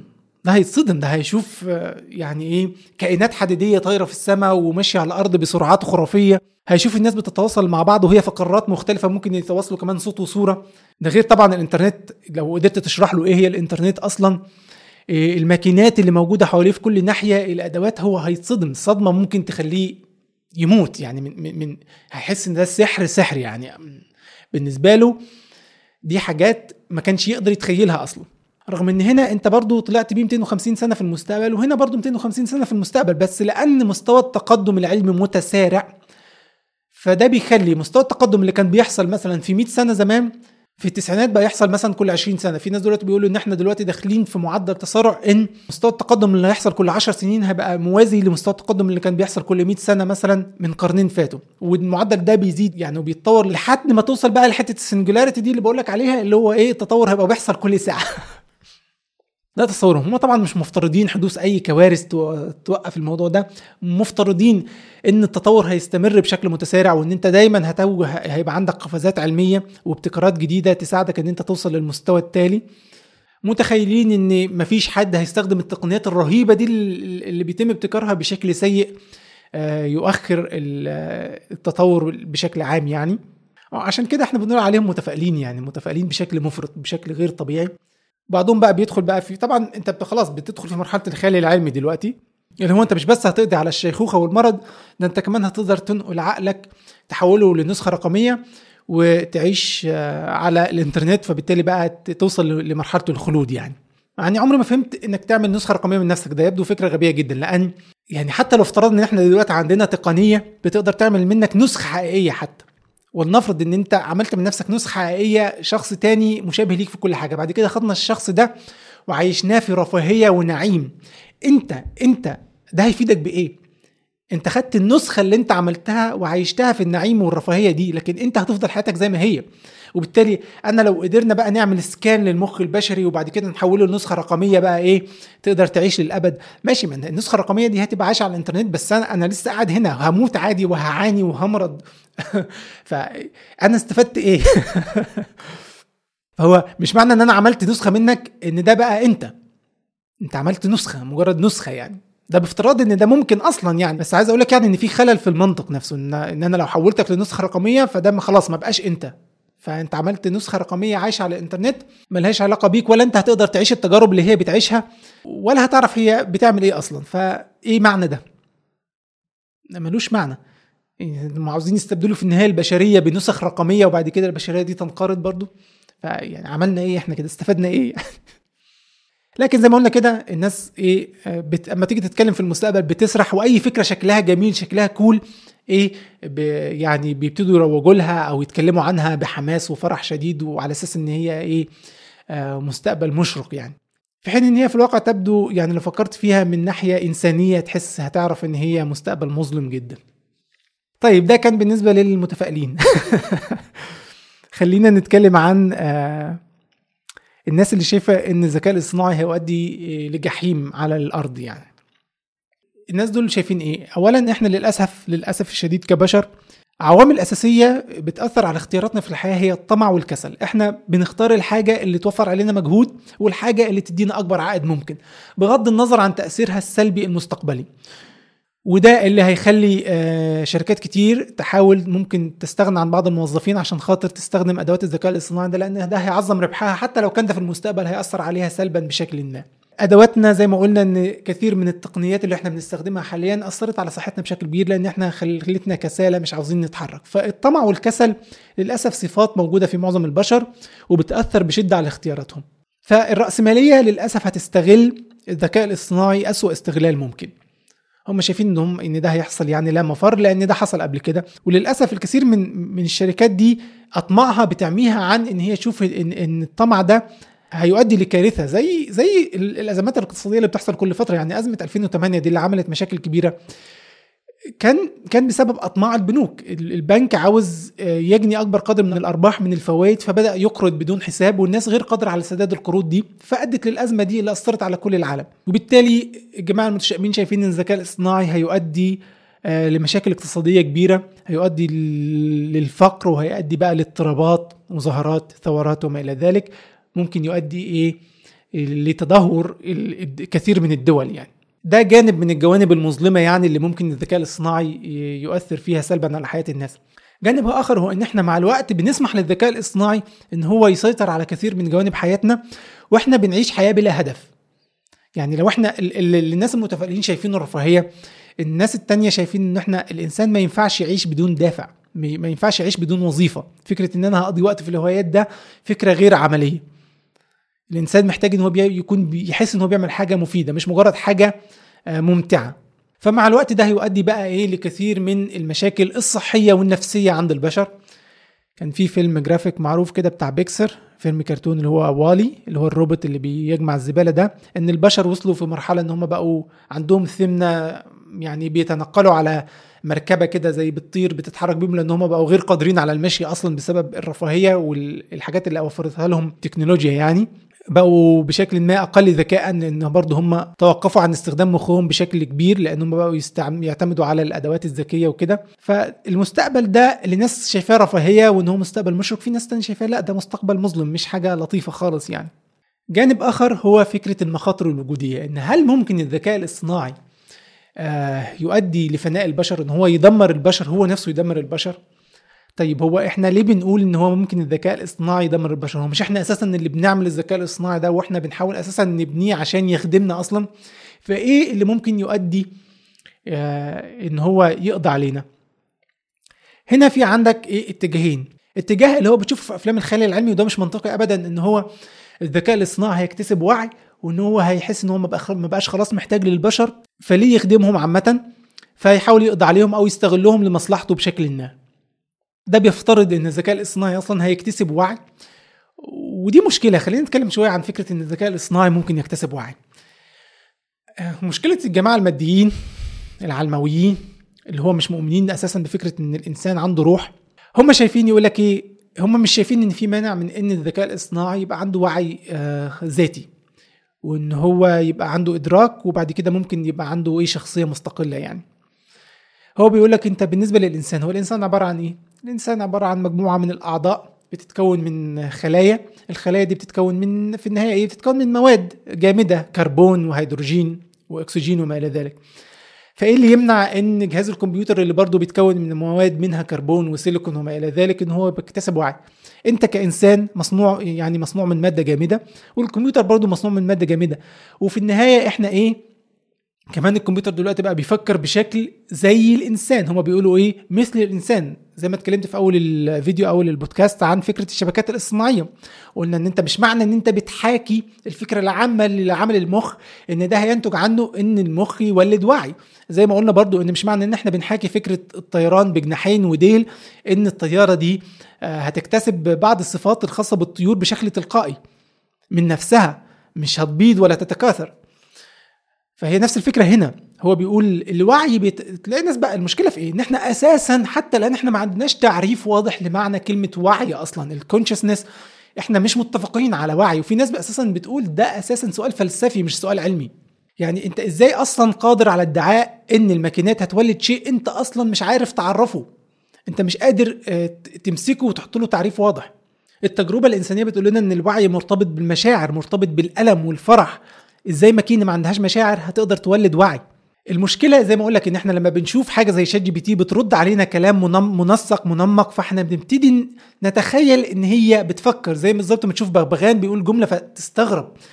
وقد يجي لك شعور إن البغبغان فاهم هو بيقول إيه في حين إن البغبغان مش فاهم هو بيقول إيه هو بيردد مجموعة من الكلمات سمعها قبل كده. فده بيدي إيحاء إن ممكن ممكن الماكينة يبقى عندها وعي. لكن ده مجرد خيال علمي كلام فارغ برضو في النهاية برضو الماكينة دي إيه دوافعها؟ يعني الإنسان بتحركه دوافع دوافع غريزية موجودة فيه غريزة البقاء إن هو يستمر على قيد الحياة ويتكاثر ويحاول يوفر حياة كريمة لسلالته مثلا. ده اللي بيدفع الإنسان في يعني العالم المبرمج اللي قاعد دلوقتي في شركة OpenAI ولا جوجل وبيطور برنامج الذكاء الاصطناعي إيه الدافع بتاعه إنه يعمل كده؟ جزء كبير من دوافع إن هو يشتغل في وظيفة توفر له دخل تصرف على أسرته وعلى أطفاله وإن يوفر لأسرته حياة كريمة. ده دافع أساسي موجود عند الإنسان. الماكينة إيه الدافع اللي هيبقى موجود عندها أصلا؟ عشان تقضي على البشر أو عشان تعمل يبقى عندها شخصية مستقلة تعمل بيها أي حاجة مستقلة يعني. مفيش دوافع أصلا موجودة. فمشكلة الكلام في الموضوع ده إن هو مليان سفسطه مليان فعلا سفسطه لأنك بتفترض حاجات أنت مش فاهمها أصلا وتبني على اللي أنت مش فاهمه حاجات تانية. يعني الناس يقول لك إيه لما ال- الكمبيوتر ده هيولد وعي فساعتها يا ترى إحنا لو لو حذفنا برنامج الكمبيوتر ده هل كده نعتبر قتلناه؟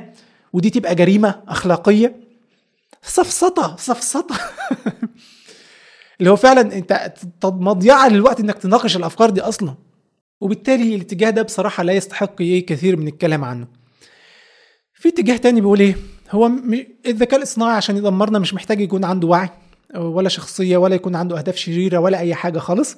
هو المشكلة الكبيرة إن الذكاء الاصطناعي إحنا عندنا مشكلة دلوقتي إن هو ذكاء مختلف عن الذكاء البشري. ذكاء زي ما شفنا حتى الآن بيفتقد للحدس والبداهة وبالتالي هو بيفتقد للحاجة اللي بنسميها ال common sense وبالتالي ممكن في سبيل تحقيق الهدف اللي إحنا حددناه له يعمل مشكلة أكبر. في قصة خيالية كده بيقولوها انت تخيل انت لو عملت ماكينة بتشتغل بالذكاء الاصطناعي إن هي تعمل أكبر قدر ممكن من دبابيس الورق paper clip هي حاجة مشهورة يعني المثال ده مشهور جدا بيقولوه. فلو انت قلت لها هدفك إنك تعملي أكبر قدر ممكن من الدبابيس الورق وهي الماكينة دي مرتبطة بالإنترنت وتقدر تطور من نفسها زي متوقع يعني إن مك... إن الذكاء الاصطناعي يخلي الماكينات والبرامج الكمبيوتر تتطور من نفسها بنفسها بدون الحاجة للإنسان لاحقا. فهي في سبيل تحقيق الهدف ده إن هي ممكن تعمل مشاكل تعمل جرائم. تبتدي تشوف إن الكرة الأرضية كلها بما فيها البشر مجرد موارد تقدر تستغلهم في تحقيق الهدف بتاعها إن هي تعمل أكبر قدر ممكن من دبابيس الورق. فهو يعني زي ما تقول كده هو ذكاء صناعي بس هينفذ الموضوع بغباء. لكن برضو الفكرة دي مستبعدة لأن إحنا نقدر نحط بعض القيود اللي تمنع برامج الذكاء الاصطناعي إن هي تمشي في الاتجاه ده. المشكلة الكبيرة هي إن إحنا هنبتدي نعتمد على الذكاء الاصطناعي في كل شيء في شبكات إدارة الكهرباء شبكات إدارة المية الإنترنت. هن كل المؤسسات والحاجات الحيوية في حياتنا دي هنبتدي نستخدم فيها برامج ذكاء اصطناعي تديرها هي لوحدها بدون تدخل البشر لأن ده أرخص زي ما قلنا آه، وأكثر كفاءة عادة. هيكون غالبا مش هنستخدمها إلا إذا كانت أكثر كفاءة. بعد فترة إحنا كبشر هننفصل عن العالم ده مش هنبقى مسيطرين عليه. وبالتالي أي خطأ نتيجة هلوسة أو تحيز عند الذكاء الاصطناعي قابلة إن هي تبيد البشر أو تعمل مشاكل كبيرة جدا بدون قصد يعني بدون ما الذكاء الاصطناعي ده يكون قاصد إن هو فعلا يضر البشر بأي شكل من الأشكال. زي ما قلنا هي مشكلة الهلوسة دي مشكلة أساسية وقلنا كمان حاجة إحنا لو فاكروا إحنا بنتكلم عن الشبكات الاصطناعية قلنا إن الشبكات الاصطناعية من الداخل تعتبر black box إحنا مش عارفين هي عبارة عن مجموعة ضخمة جدا جدا جدا من الأرقام إحنا ما نقدرش نتحرى لو حصل خطأ نتحرى الخطأ ده حصل بسبب إيه؟ ونصلحه. على عكس الذكاء الاصطناعي التقليدي اللي كنا بنستخدمه زمان. وبالتالي إحنا عندنا دلوقتي آه ذكاء اصطناعي إحنا مش عارفين بالظبط هو إزاي بيوصل للنتائج اللي بيوصل لها دي ورغم ذلك سايبينه يسيطر على حياتنا كلها. فلو انت عندك ذكاء اصطناعي بيدير مفاعلات نووية بيدير شبكات كهرباء بيدير شبكات مية ممكن جدا تحصل أي كوارث من خلاله. وعلى فكرة دايما في أفلام الخيال العلمي بيجيب لك إيه؟ دايما إن في روبوت على شكل إنسان هو اللي بيتمرد على البشر. ودي فكرة سخيفة سطحية جدا يعني الذكاء الاصطناعي مش محتاج يبقى في جسم روبوت عشان يدمر البشرية. يعني حتى بافتراض الفكرة الهبلة بتاعت إن هو يكتسب وعي ويبقى عنده أهداف خاصة يحاول ينفذها فهو بالفعل إحنا قبل ما نصنع robots هيكون بنستخدم الذكاء الاصطناعي زي ما قلت لك في كل الشبكات الحيوية في حياتنا. هيبقى هو اللي بيدير آه، أسواق المال هيبقى هو اللي بيدير شبكات الكهرباء المفاعلات النووية وايا كان كل حاجة هيبقى بيديرها الذكاء الاصطناعي غالبا. هيبقى بيدير الإنترنت وشبكات الاتصالات. فهو مش محتاج جسد روبوت عشان يقدر يدمرنا. هو يقدر يخلي ببساطة شبكات الملاحة الجوية يخلي الطيارات تخبط في بعض الطيارات تخبط في الأبراج وناطحات السحاب. يقطع الكهرباء يسبب اندفاع ميه شديد في السدود السدود تنهار. فهو مش فاهم؟ فهو مش محتاج robots تمسك آه، بنادق ليزر وتضربنا وبعدين هو إحنا ليه أساسا هنعمل robots يعني؟ أصلا أصلا فكرة عمل آلية على شكل إنسان هي فكرة مشكوك في نفعها عامة لأن ليه تعمل روبوت على شكل إنسان من الأساس؟ لفترة طويلة زمان كان ده عادة الشركات بتعمله لمجرد إيه؟ بيسموه technology show كده. أنا بس بحاول أظهر للعالم قدرات التقنية قدرة المهندسين بتوعي والأبحاث اللي موجودة عندي في الشركة. فبتبقى حاجة كده معمولة لل show كده لأظهار القدرات ليس إلا. روبوت يمشي يجيب لك القهوة يعمل لك الحاجات الأساسية دي يرد على أسئلتك. لكن هي ما لا يبدو إن هي ليها نفع خاص. ليه؟ لأن أنت لو عاوز ناس كتير يقول لك إحنا ممكن نستخدمه في حالات الإنقاذ. حضرتك حالات الإنقاذ ما أنت ممكن تستخدم فيها آه، ماكينات تانية أقدر على التعامل مع الكوارث. هل الإنسان أو جسم الإنسان ده يقدر يتحرك بسرعة أكتر من ماكينة بتمشي على العجلات؟ المشي على العجلات أسرع من المشي على قدمين. في الواقع ولو استخدمت درون أصلا يعني لو استخدمت درون طيارة صغيرة بكاميرا ده ممكن يخليك تستكشف أماكن الكوارث بشكل أفضل مليون مرة من روبوت بيمشي على رجلين وبسرعة بطيئة جدا. فما فيش معنى لعمل روبوت في شكل إنسان وإن كان في وجهة نظر وحيدة ليها بعض الوجاهه إيه وجهة النظر دي بتقول إيه؟ بتقول إن كل حاجة حوالينا في حياتنا دلوقتي الماكينات اللي بنستخدمها الكمبيوتر الكيبورد الماوس الغسالة الثلاجه العربية كلها مصنوعة بهدف إن إنسان يستخدمها. يعني في العربية أنت بتفتح الباب الباب في مستوى إيدك بتفتحه بتقعد على كرسي ينفع الإنسان يقعد على الكرسي ده. عجلة القيادة مصممة إن هي تتمسك بإيدين اتنين والفرامل والبنزين مصممين هم إن هم يداس عليهم آه، بقدم بقدم إنسان. فدلوقتي انت لو انت عاوز عاوزنا نعمل طفرة في حياتنا ونطورها إما إنك تطور كل الأجهزة اللي موجودة في حياتك أو إنك تطور جهاز واحد بس إنك يبقى عندك روبوت على شكل إنسان هو اللي يقوم لك بكل الوظائف دي. بالتالي بدل ما تبقى عندك سيارة ذاتيه القيادة وغسالة ذكية وثلاجه ذكية ومطبخ ذكي يعمل لك الأكل لأ أنت يبقى عندك روبوت في مقام الخادم. هو اللي يقوم بكل حاجة بقى هو اللي يسوق العربية هو اللي يحضر لك الغداء هو اللي يغسل لك الهدوم. وده كله يبقى عن طريق إن أنت بتنزل له برنامج أو يتعمل له updates بمهارات جديدة يتعلمها أول بأول. وبما إن كل الأدوات اللي حوالينا مجهزة إن الانسان يستخدمها فبالتالي الروبوت ده هيعرف يستخدم الحاجات دي بدون ما تحتاج إنك تطور كل حاجة موجودة عندك يعني. دي وجهة النظر يعني. هل هي صحيحة؟ الحقيقة مش متخيل. إن روبوت يقدر يقود سيارة بكفاءة زي سيارة ذاتية القيادة. ليه؟ لأن السياره ذاتية القيادة دي فيها كاميرات في كل حتة في ركن في أركان السيارة المختلفة. وبالتالي دي بتجيب لها بيانات من أماكن الروبوت مش هيقدر يشوفها من مكانه. حتى لو الروبوت ده كان عنده كاميرا في قفاه يعني في النهاية هيبقى قدراته يعني أكتر حاجة يعملها إن هو قدراته تبقى شبه قدرات الإنسان في القيادة لكن المفروض إن إحنا بنسعى لحاجة أفضل من كده. السيارة بيبقى فيها أجهزة رادار معينة تقدر تقيس الأبعاد بينها وبين السيارات اللي حواليها وما إلى ذلك.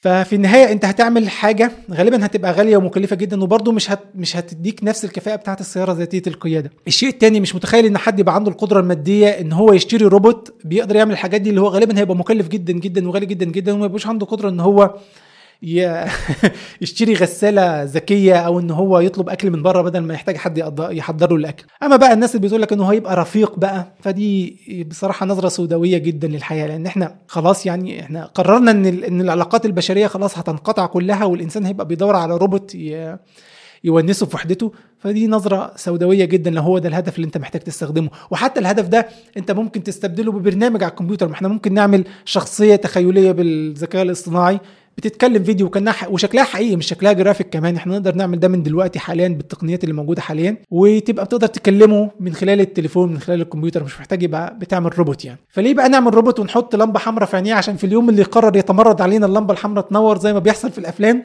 و... ويبتدي بقى نفهم إن هو كده تمرد علينا وهيموتنا كلنا. أو لو عايزين يعملوا روبوت يا ريت الناس اللي هتصمم ال robots دي ما يحطوش لمبة حمراء في عينيه لأن في كل الأفلام لما بيجي الروبوت يتمرد عينيه بتنور أحمر. ليه حاطين لمبة حمراء في عينيه؟ يعني هل إحنا بنساعده إن هو يتمرد ولا إيه؟ مش عارف.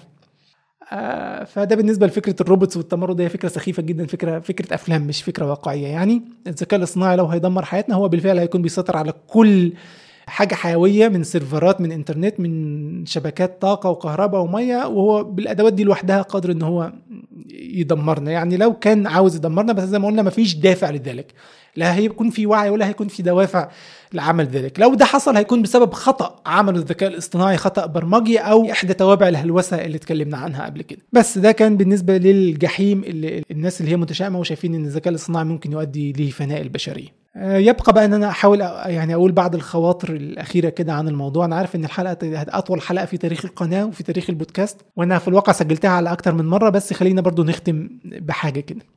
في النهاية حابب أختم بثلاث نقط كده النقطة الأولى موجهة لأي شخص عنده قلق بخصوص وظيفته أو بسبب تأثير الذكاء الاصطناعي عليها. في الواقع إحنا نظام حياتنا في الوظائف والشركات والدخل الشهري الثابت بيدينا طمأنينة زائفة هي طمأنينة مش حقيقية ودليل على إن هي طمأنينة زائفة هي القلق الشديد مع كل خبر إن إحنا حياتنا ممكن تتأثر بشكل ما سواء بقى ذكاء اصطناعي سواء وضع اقتصادي متدهور. ده بيخلينا في حالة قلق إن إحنا هنفقد كل حاجة أو دخلنا قيمته هتقل أو حياتنا هتتغير. السبب الرئيسي إن إحنا بنركن لشيء هو بطبيعته يعني ما ينفعش تركن إليه لأن الحياة متغيرة. فأنت المفروض ترجع تاني تستذكر إن إن الرزق من عند الله ربنا هو اللي بيرزق وإحنا مطلوب مننا السعي وأنا هتكلم عن موضوع السعي بعد شوية بس الفكرة في النهاية إن الرزق من عند ربنا. فإنك تقعد تقلق نفسك كل شوية بايه اللي ممكن يحصل في المستقبل؟ هفقد وظيفتي مش عارف إيه هيحصل دخلي هيقل. ده إلى حد ما عندنا كلنا ما نقدرش ننكر يعني بس هو دليل شوية ضعف إيمان. يعني الإيمان ما هوش يعني إيه أبيض أو أسود الإيمان درجات والمؤمن إيمانه بيزيد وينقص يعني مع الوقت. فإحنا محتاجين نرجع نذكر نفسنا بإن الرزق في الأول والآخر من عند ربنا. فما فيش داعي إنك تقلق نفسك وتشيل نفسك هم. يعني يا أخي زي ما بيقول الشاعر كده لعل ما تخشاه لا يكون. فأنت أنت هتقلق نفسك على الفاضي ليه؟ هتخوف نفسك من المستقبل ليه؟ يعني ركز على الأشياء اللي هي في نطاق تأثيرك. تذكر إن في حواليك ملايين من البشر في نفس بلدك كده كده عايشين يوم بيوم. صناعية ما لهمش دخل ثابت. في النهاية عايشين. أي نعم الدخل ممكن يقل في يوم يزيد في يوم تاني بس اللي مؤمن بالرزق ومؤمن إن هو في النهاية يعني ربنا هو اللي بيرزق بيبقى أثر الأمور دي عليه أقل شوية. فحاول إنك تذكر نفسك بشكل مستمر إن الرزق من عند ربنا محدش عارف المستقبل شكله إيه بغض النظر عن أي توقعات عن المستقبل زي ما اتكلمنا في أول الفيديو. آه، الغيب في علم الله وحده. شركات مليارية فلست بسبب توقعات غلط عن المستقبل. لو لو الناس فعلا عندها القدرة التحليلية إن هي تتوقع المستقبل بشكل دقيق كان زمانهم كلهم دلوقتي بقوا مليونيرات أو مليارديرات من خلال مثلا الاستثمار في البورصة وما إلى ذلك لو هم عندهم علم إيه اللي إيه اللي فعلا اللي هينجح وايه اللي مش هينجح. إنما كله شاكك كله عنده قلق كله بيظن في النهاية. الأمر لا يزيد عن كونه ظن في المستقبل في النهاية الغيب الحقيقي المؤكد في علم ربنا فقط. فما تخافش نفسك بدون داعي. دي أول نقطة. آه، النقطة الثانية هي نقطة السعي. كثير من من أدوات الذكاء الاصطناعي الموجودة حاليا هي في الواقع استخدامها سهل جدا. هو أساسا فكرة الذكاء الاصطناعي إن هو يسهل عليك الدنيا إن هو بيشيل من عليك قدر كبير من الجهد والتفكير. أنت حاول تتعلم الأدوات دي مش عشان تركن إليها بشكل دائم لكن لأن هي ممكن فعلا توفر عليك مجهود ووقت ممكن أنت تستغله في حاجة تانية أنت مقصر فيها. فحاول تتعلم الأدوات دي ما تحاولش يعني ما, ما تنظرش للأمر على أساس إن هي شيء يعني ضدك. أو ضد وظيفتك فتحاول آه، تتجنبه. لا تعلمه. مش عارف أنت المتغيرات زي ما قلنا غير مضمونة. فيمكن تلاقي نفسك في المستقبل أنت في الواقع بترزق من خلال هذه الأدوات اللي أنت كنت متخيل إن هي هتقطع رزقك. فبلاش تتكاسل عن تعلم الأدوات الجديدة دي. وزي ما قلت هي سهلة يعني قليل من الوقت اسبوعيا هيخليك قادر جدا إنك تستفيد منها بشكل كبير. النقطة الثالثة والأخيرة هي إن المستقبل المتغير ده والحاجات اللي بنشوفها المتطلبات المتغيرة في سوق العمل بترجع تاني تفكرنا بمدى أهمية مهارة التعلم مهارة إنك تتعلم. زي ما بيقولوا كده تعلم كيف تتعلم. في كورس مشهور أظن كتير منكم سمع عنه اللي هو بتاع learn how to learn اللي هو موجود على Coursera بشكل مجاني ممكن تشوفه. هو طبعا موجود آه، بالإنجليزي وفي ترجمة لمحتواه وتلخيص لمحتواه على يوتيوب كتير. وإن كان الكورس ده بصراحة أنا يعني حابب أوضح للناس إن هو هو مش كافي ابدا. الكورس ده جزء كبير منه بيتكلم عن عملية التعلم نفسها يعني بيشرح لك إزاي الإنسان بيتعلم وده مهم جميل جدا إنك تعرفه مفيش مشكلة. بس مهارة التعلم محتاجة أكتر من محتوى الكورس ده. في في عدة مهارات هي اللي بتكون يعني في عدة مهارات أصغر هي اللي بتكون المهارة الكبيرة اللي هي مهارة التعلم أو مهارة تعلم كيف تتعلم. زي مهارة البحث مثلا.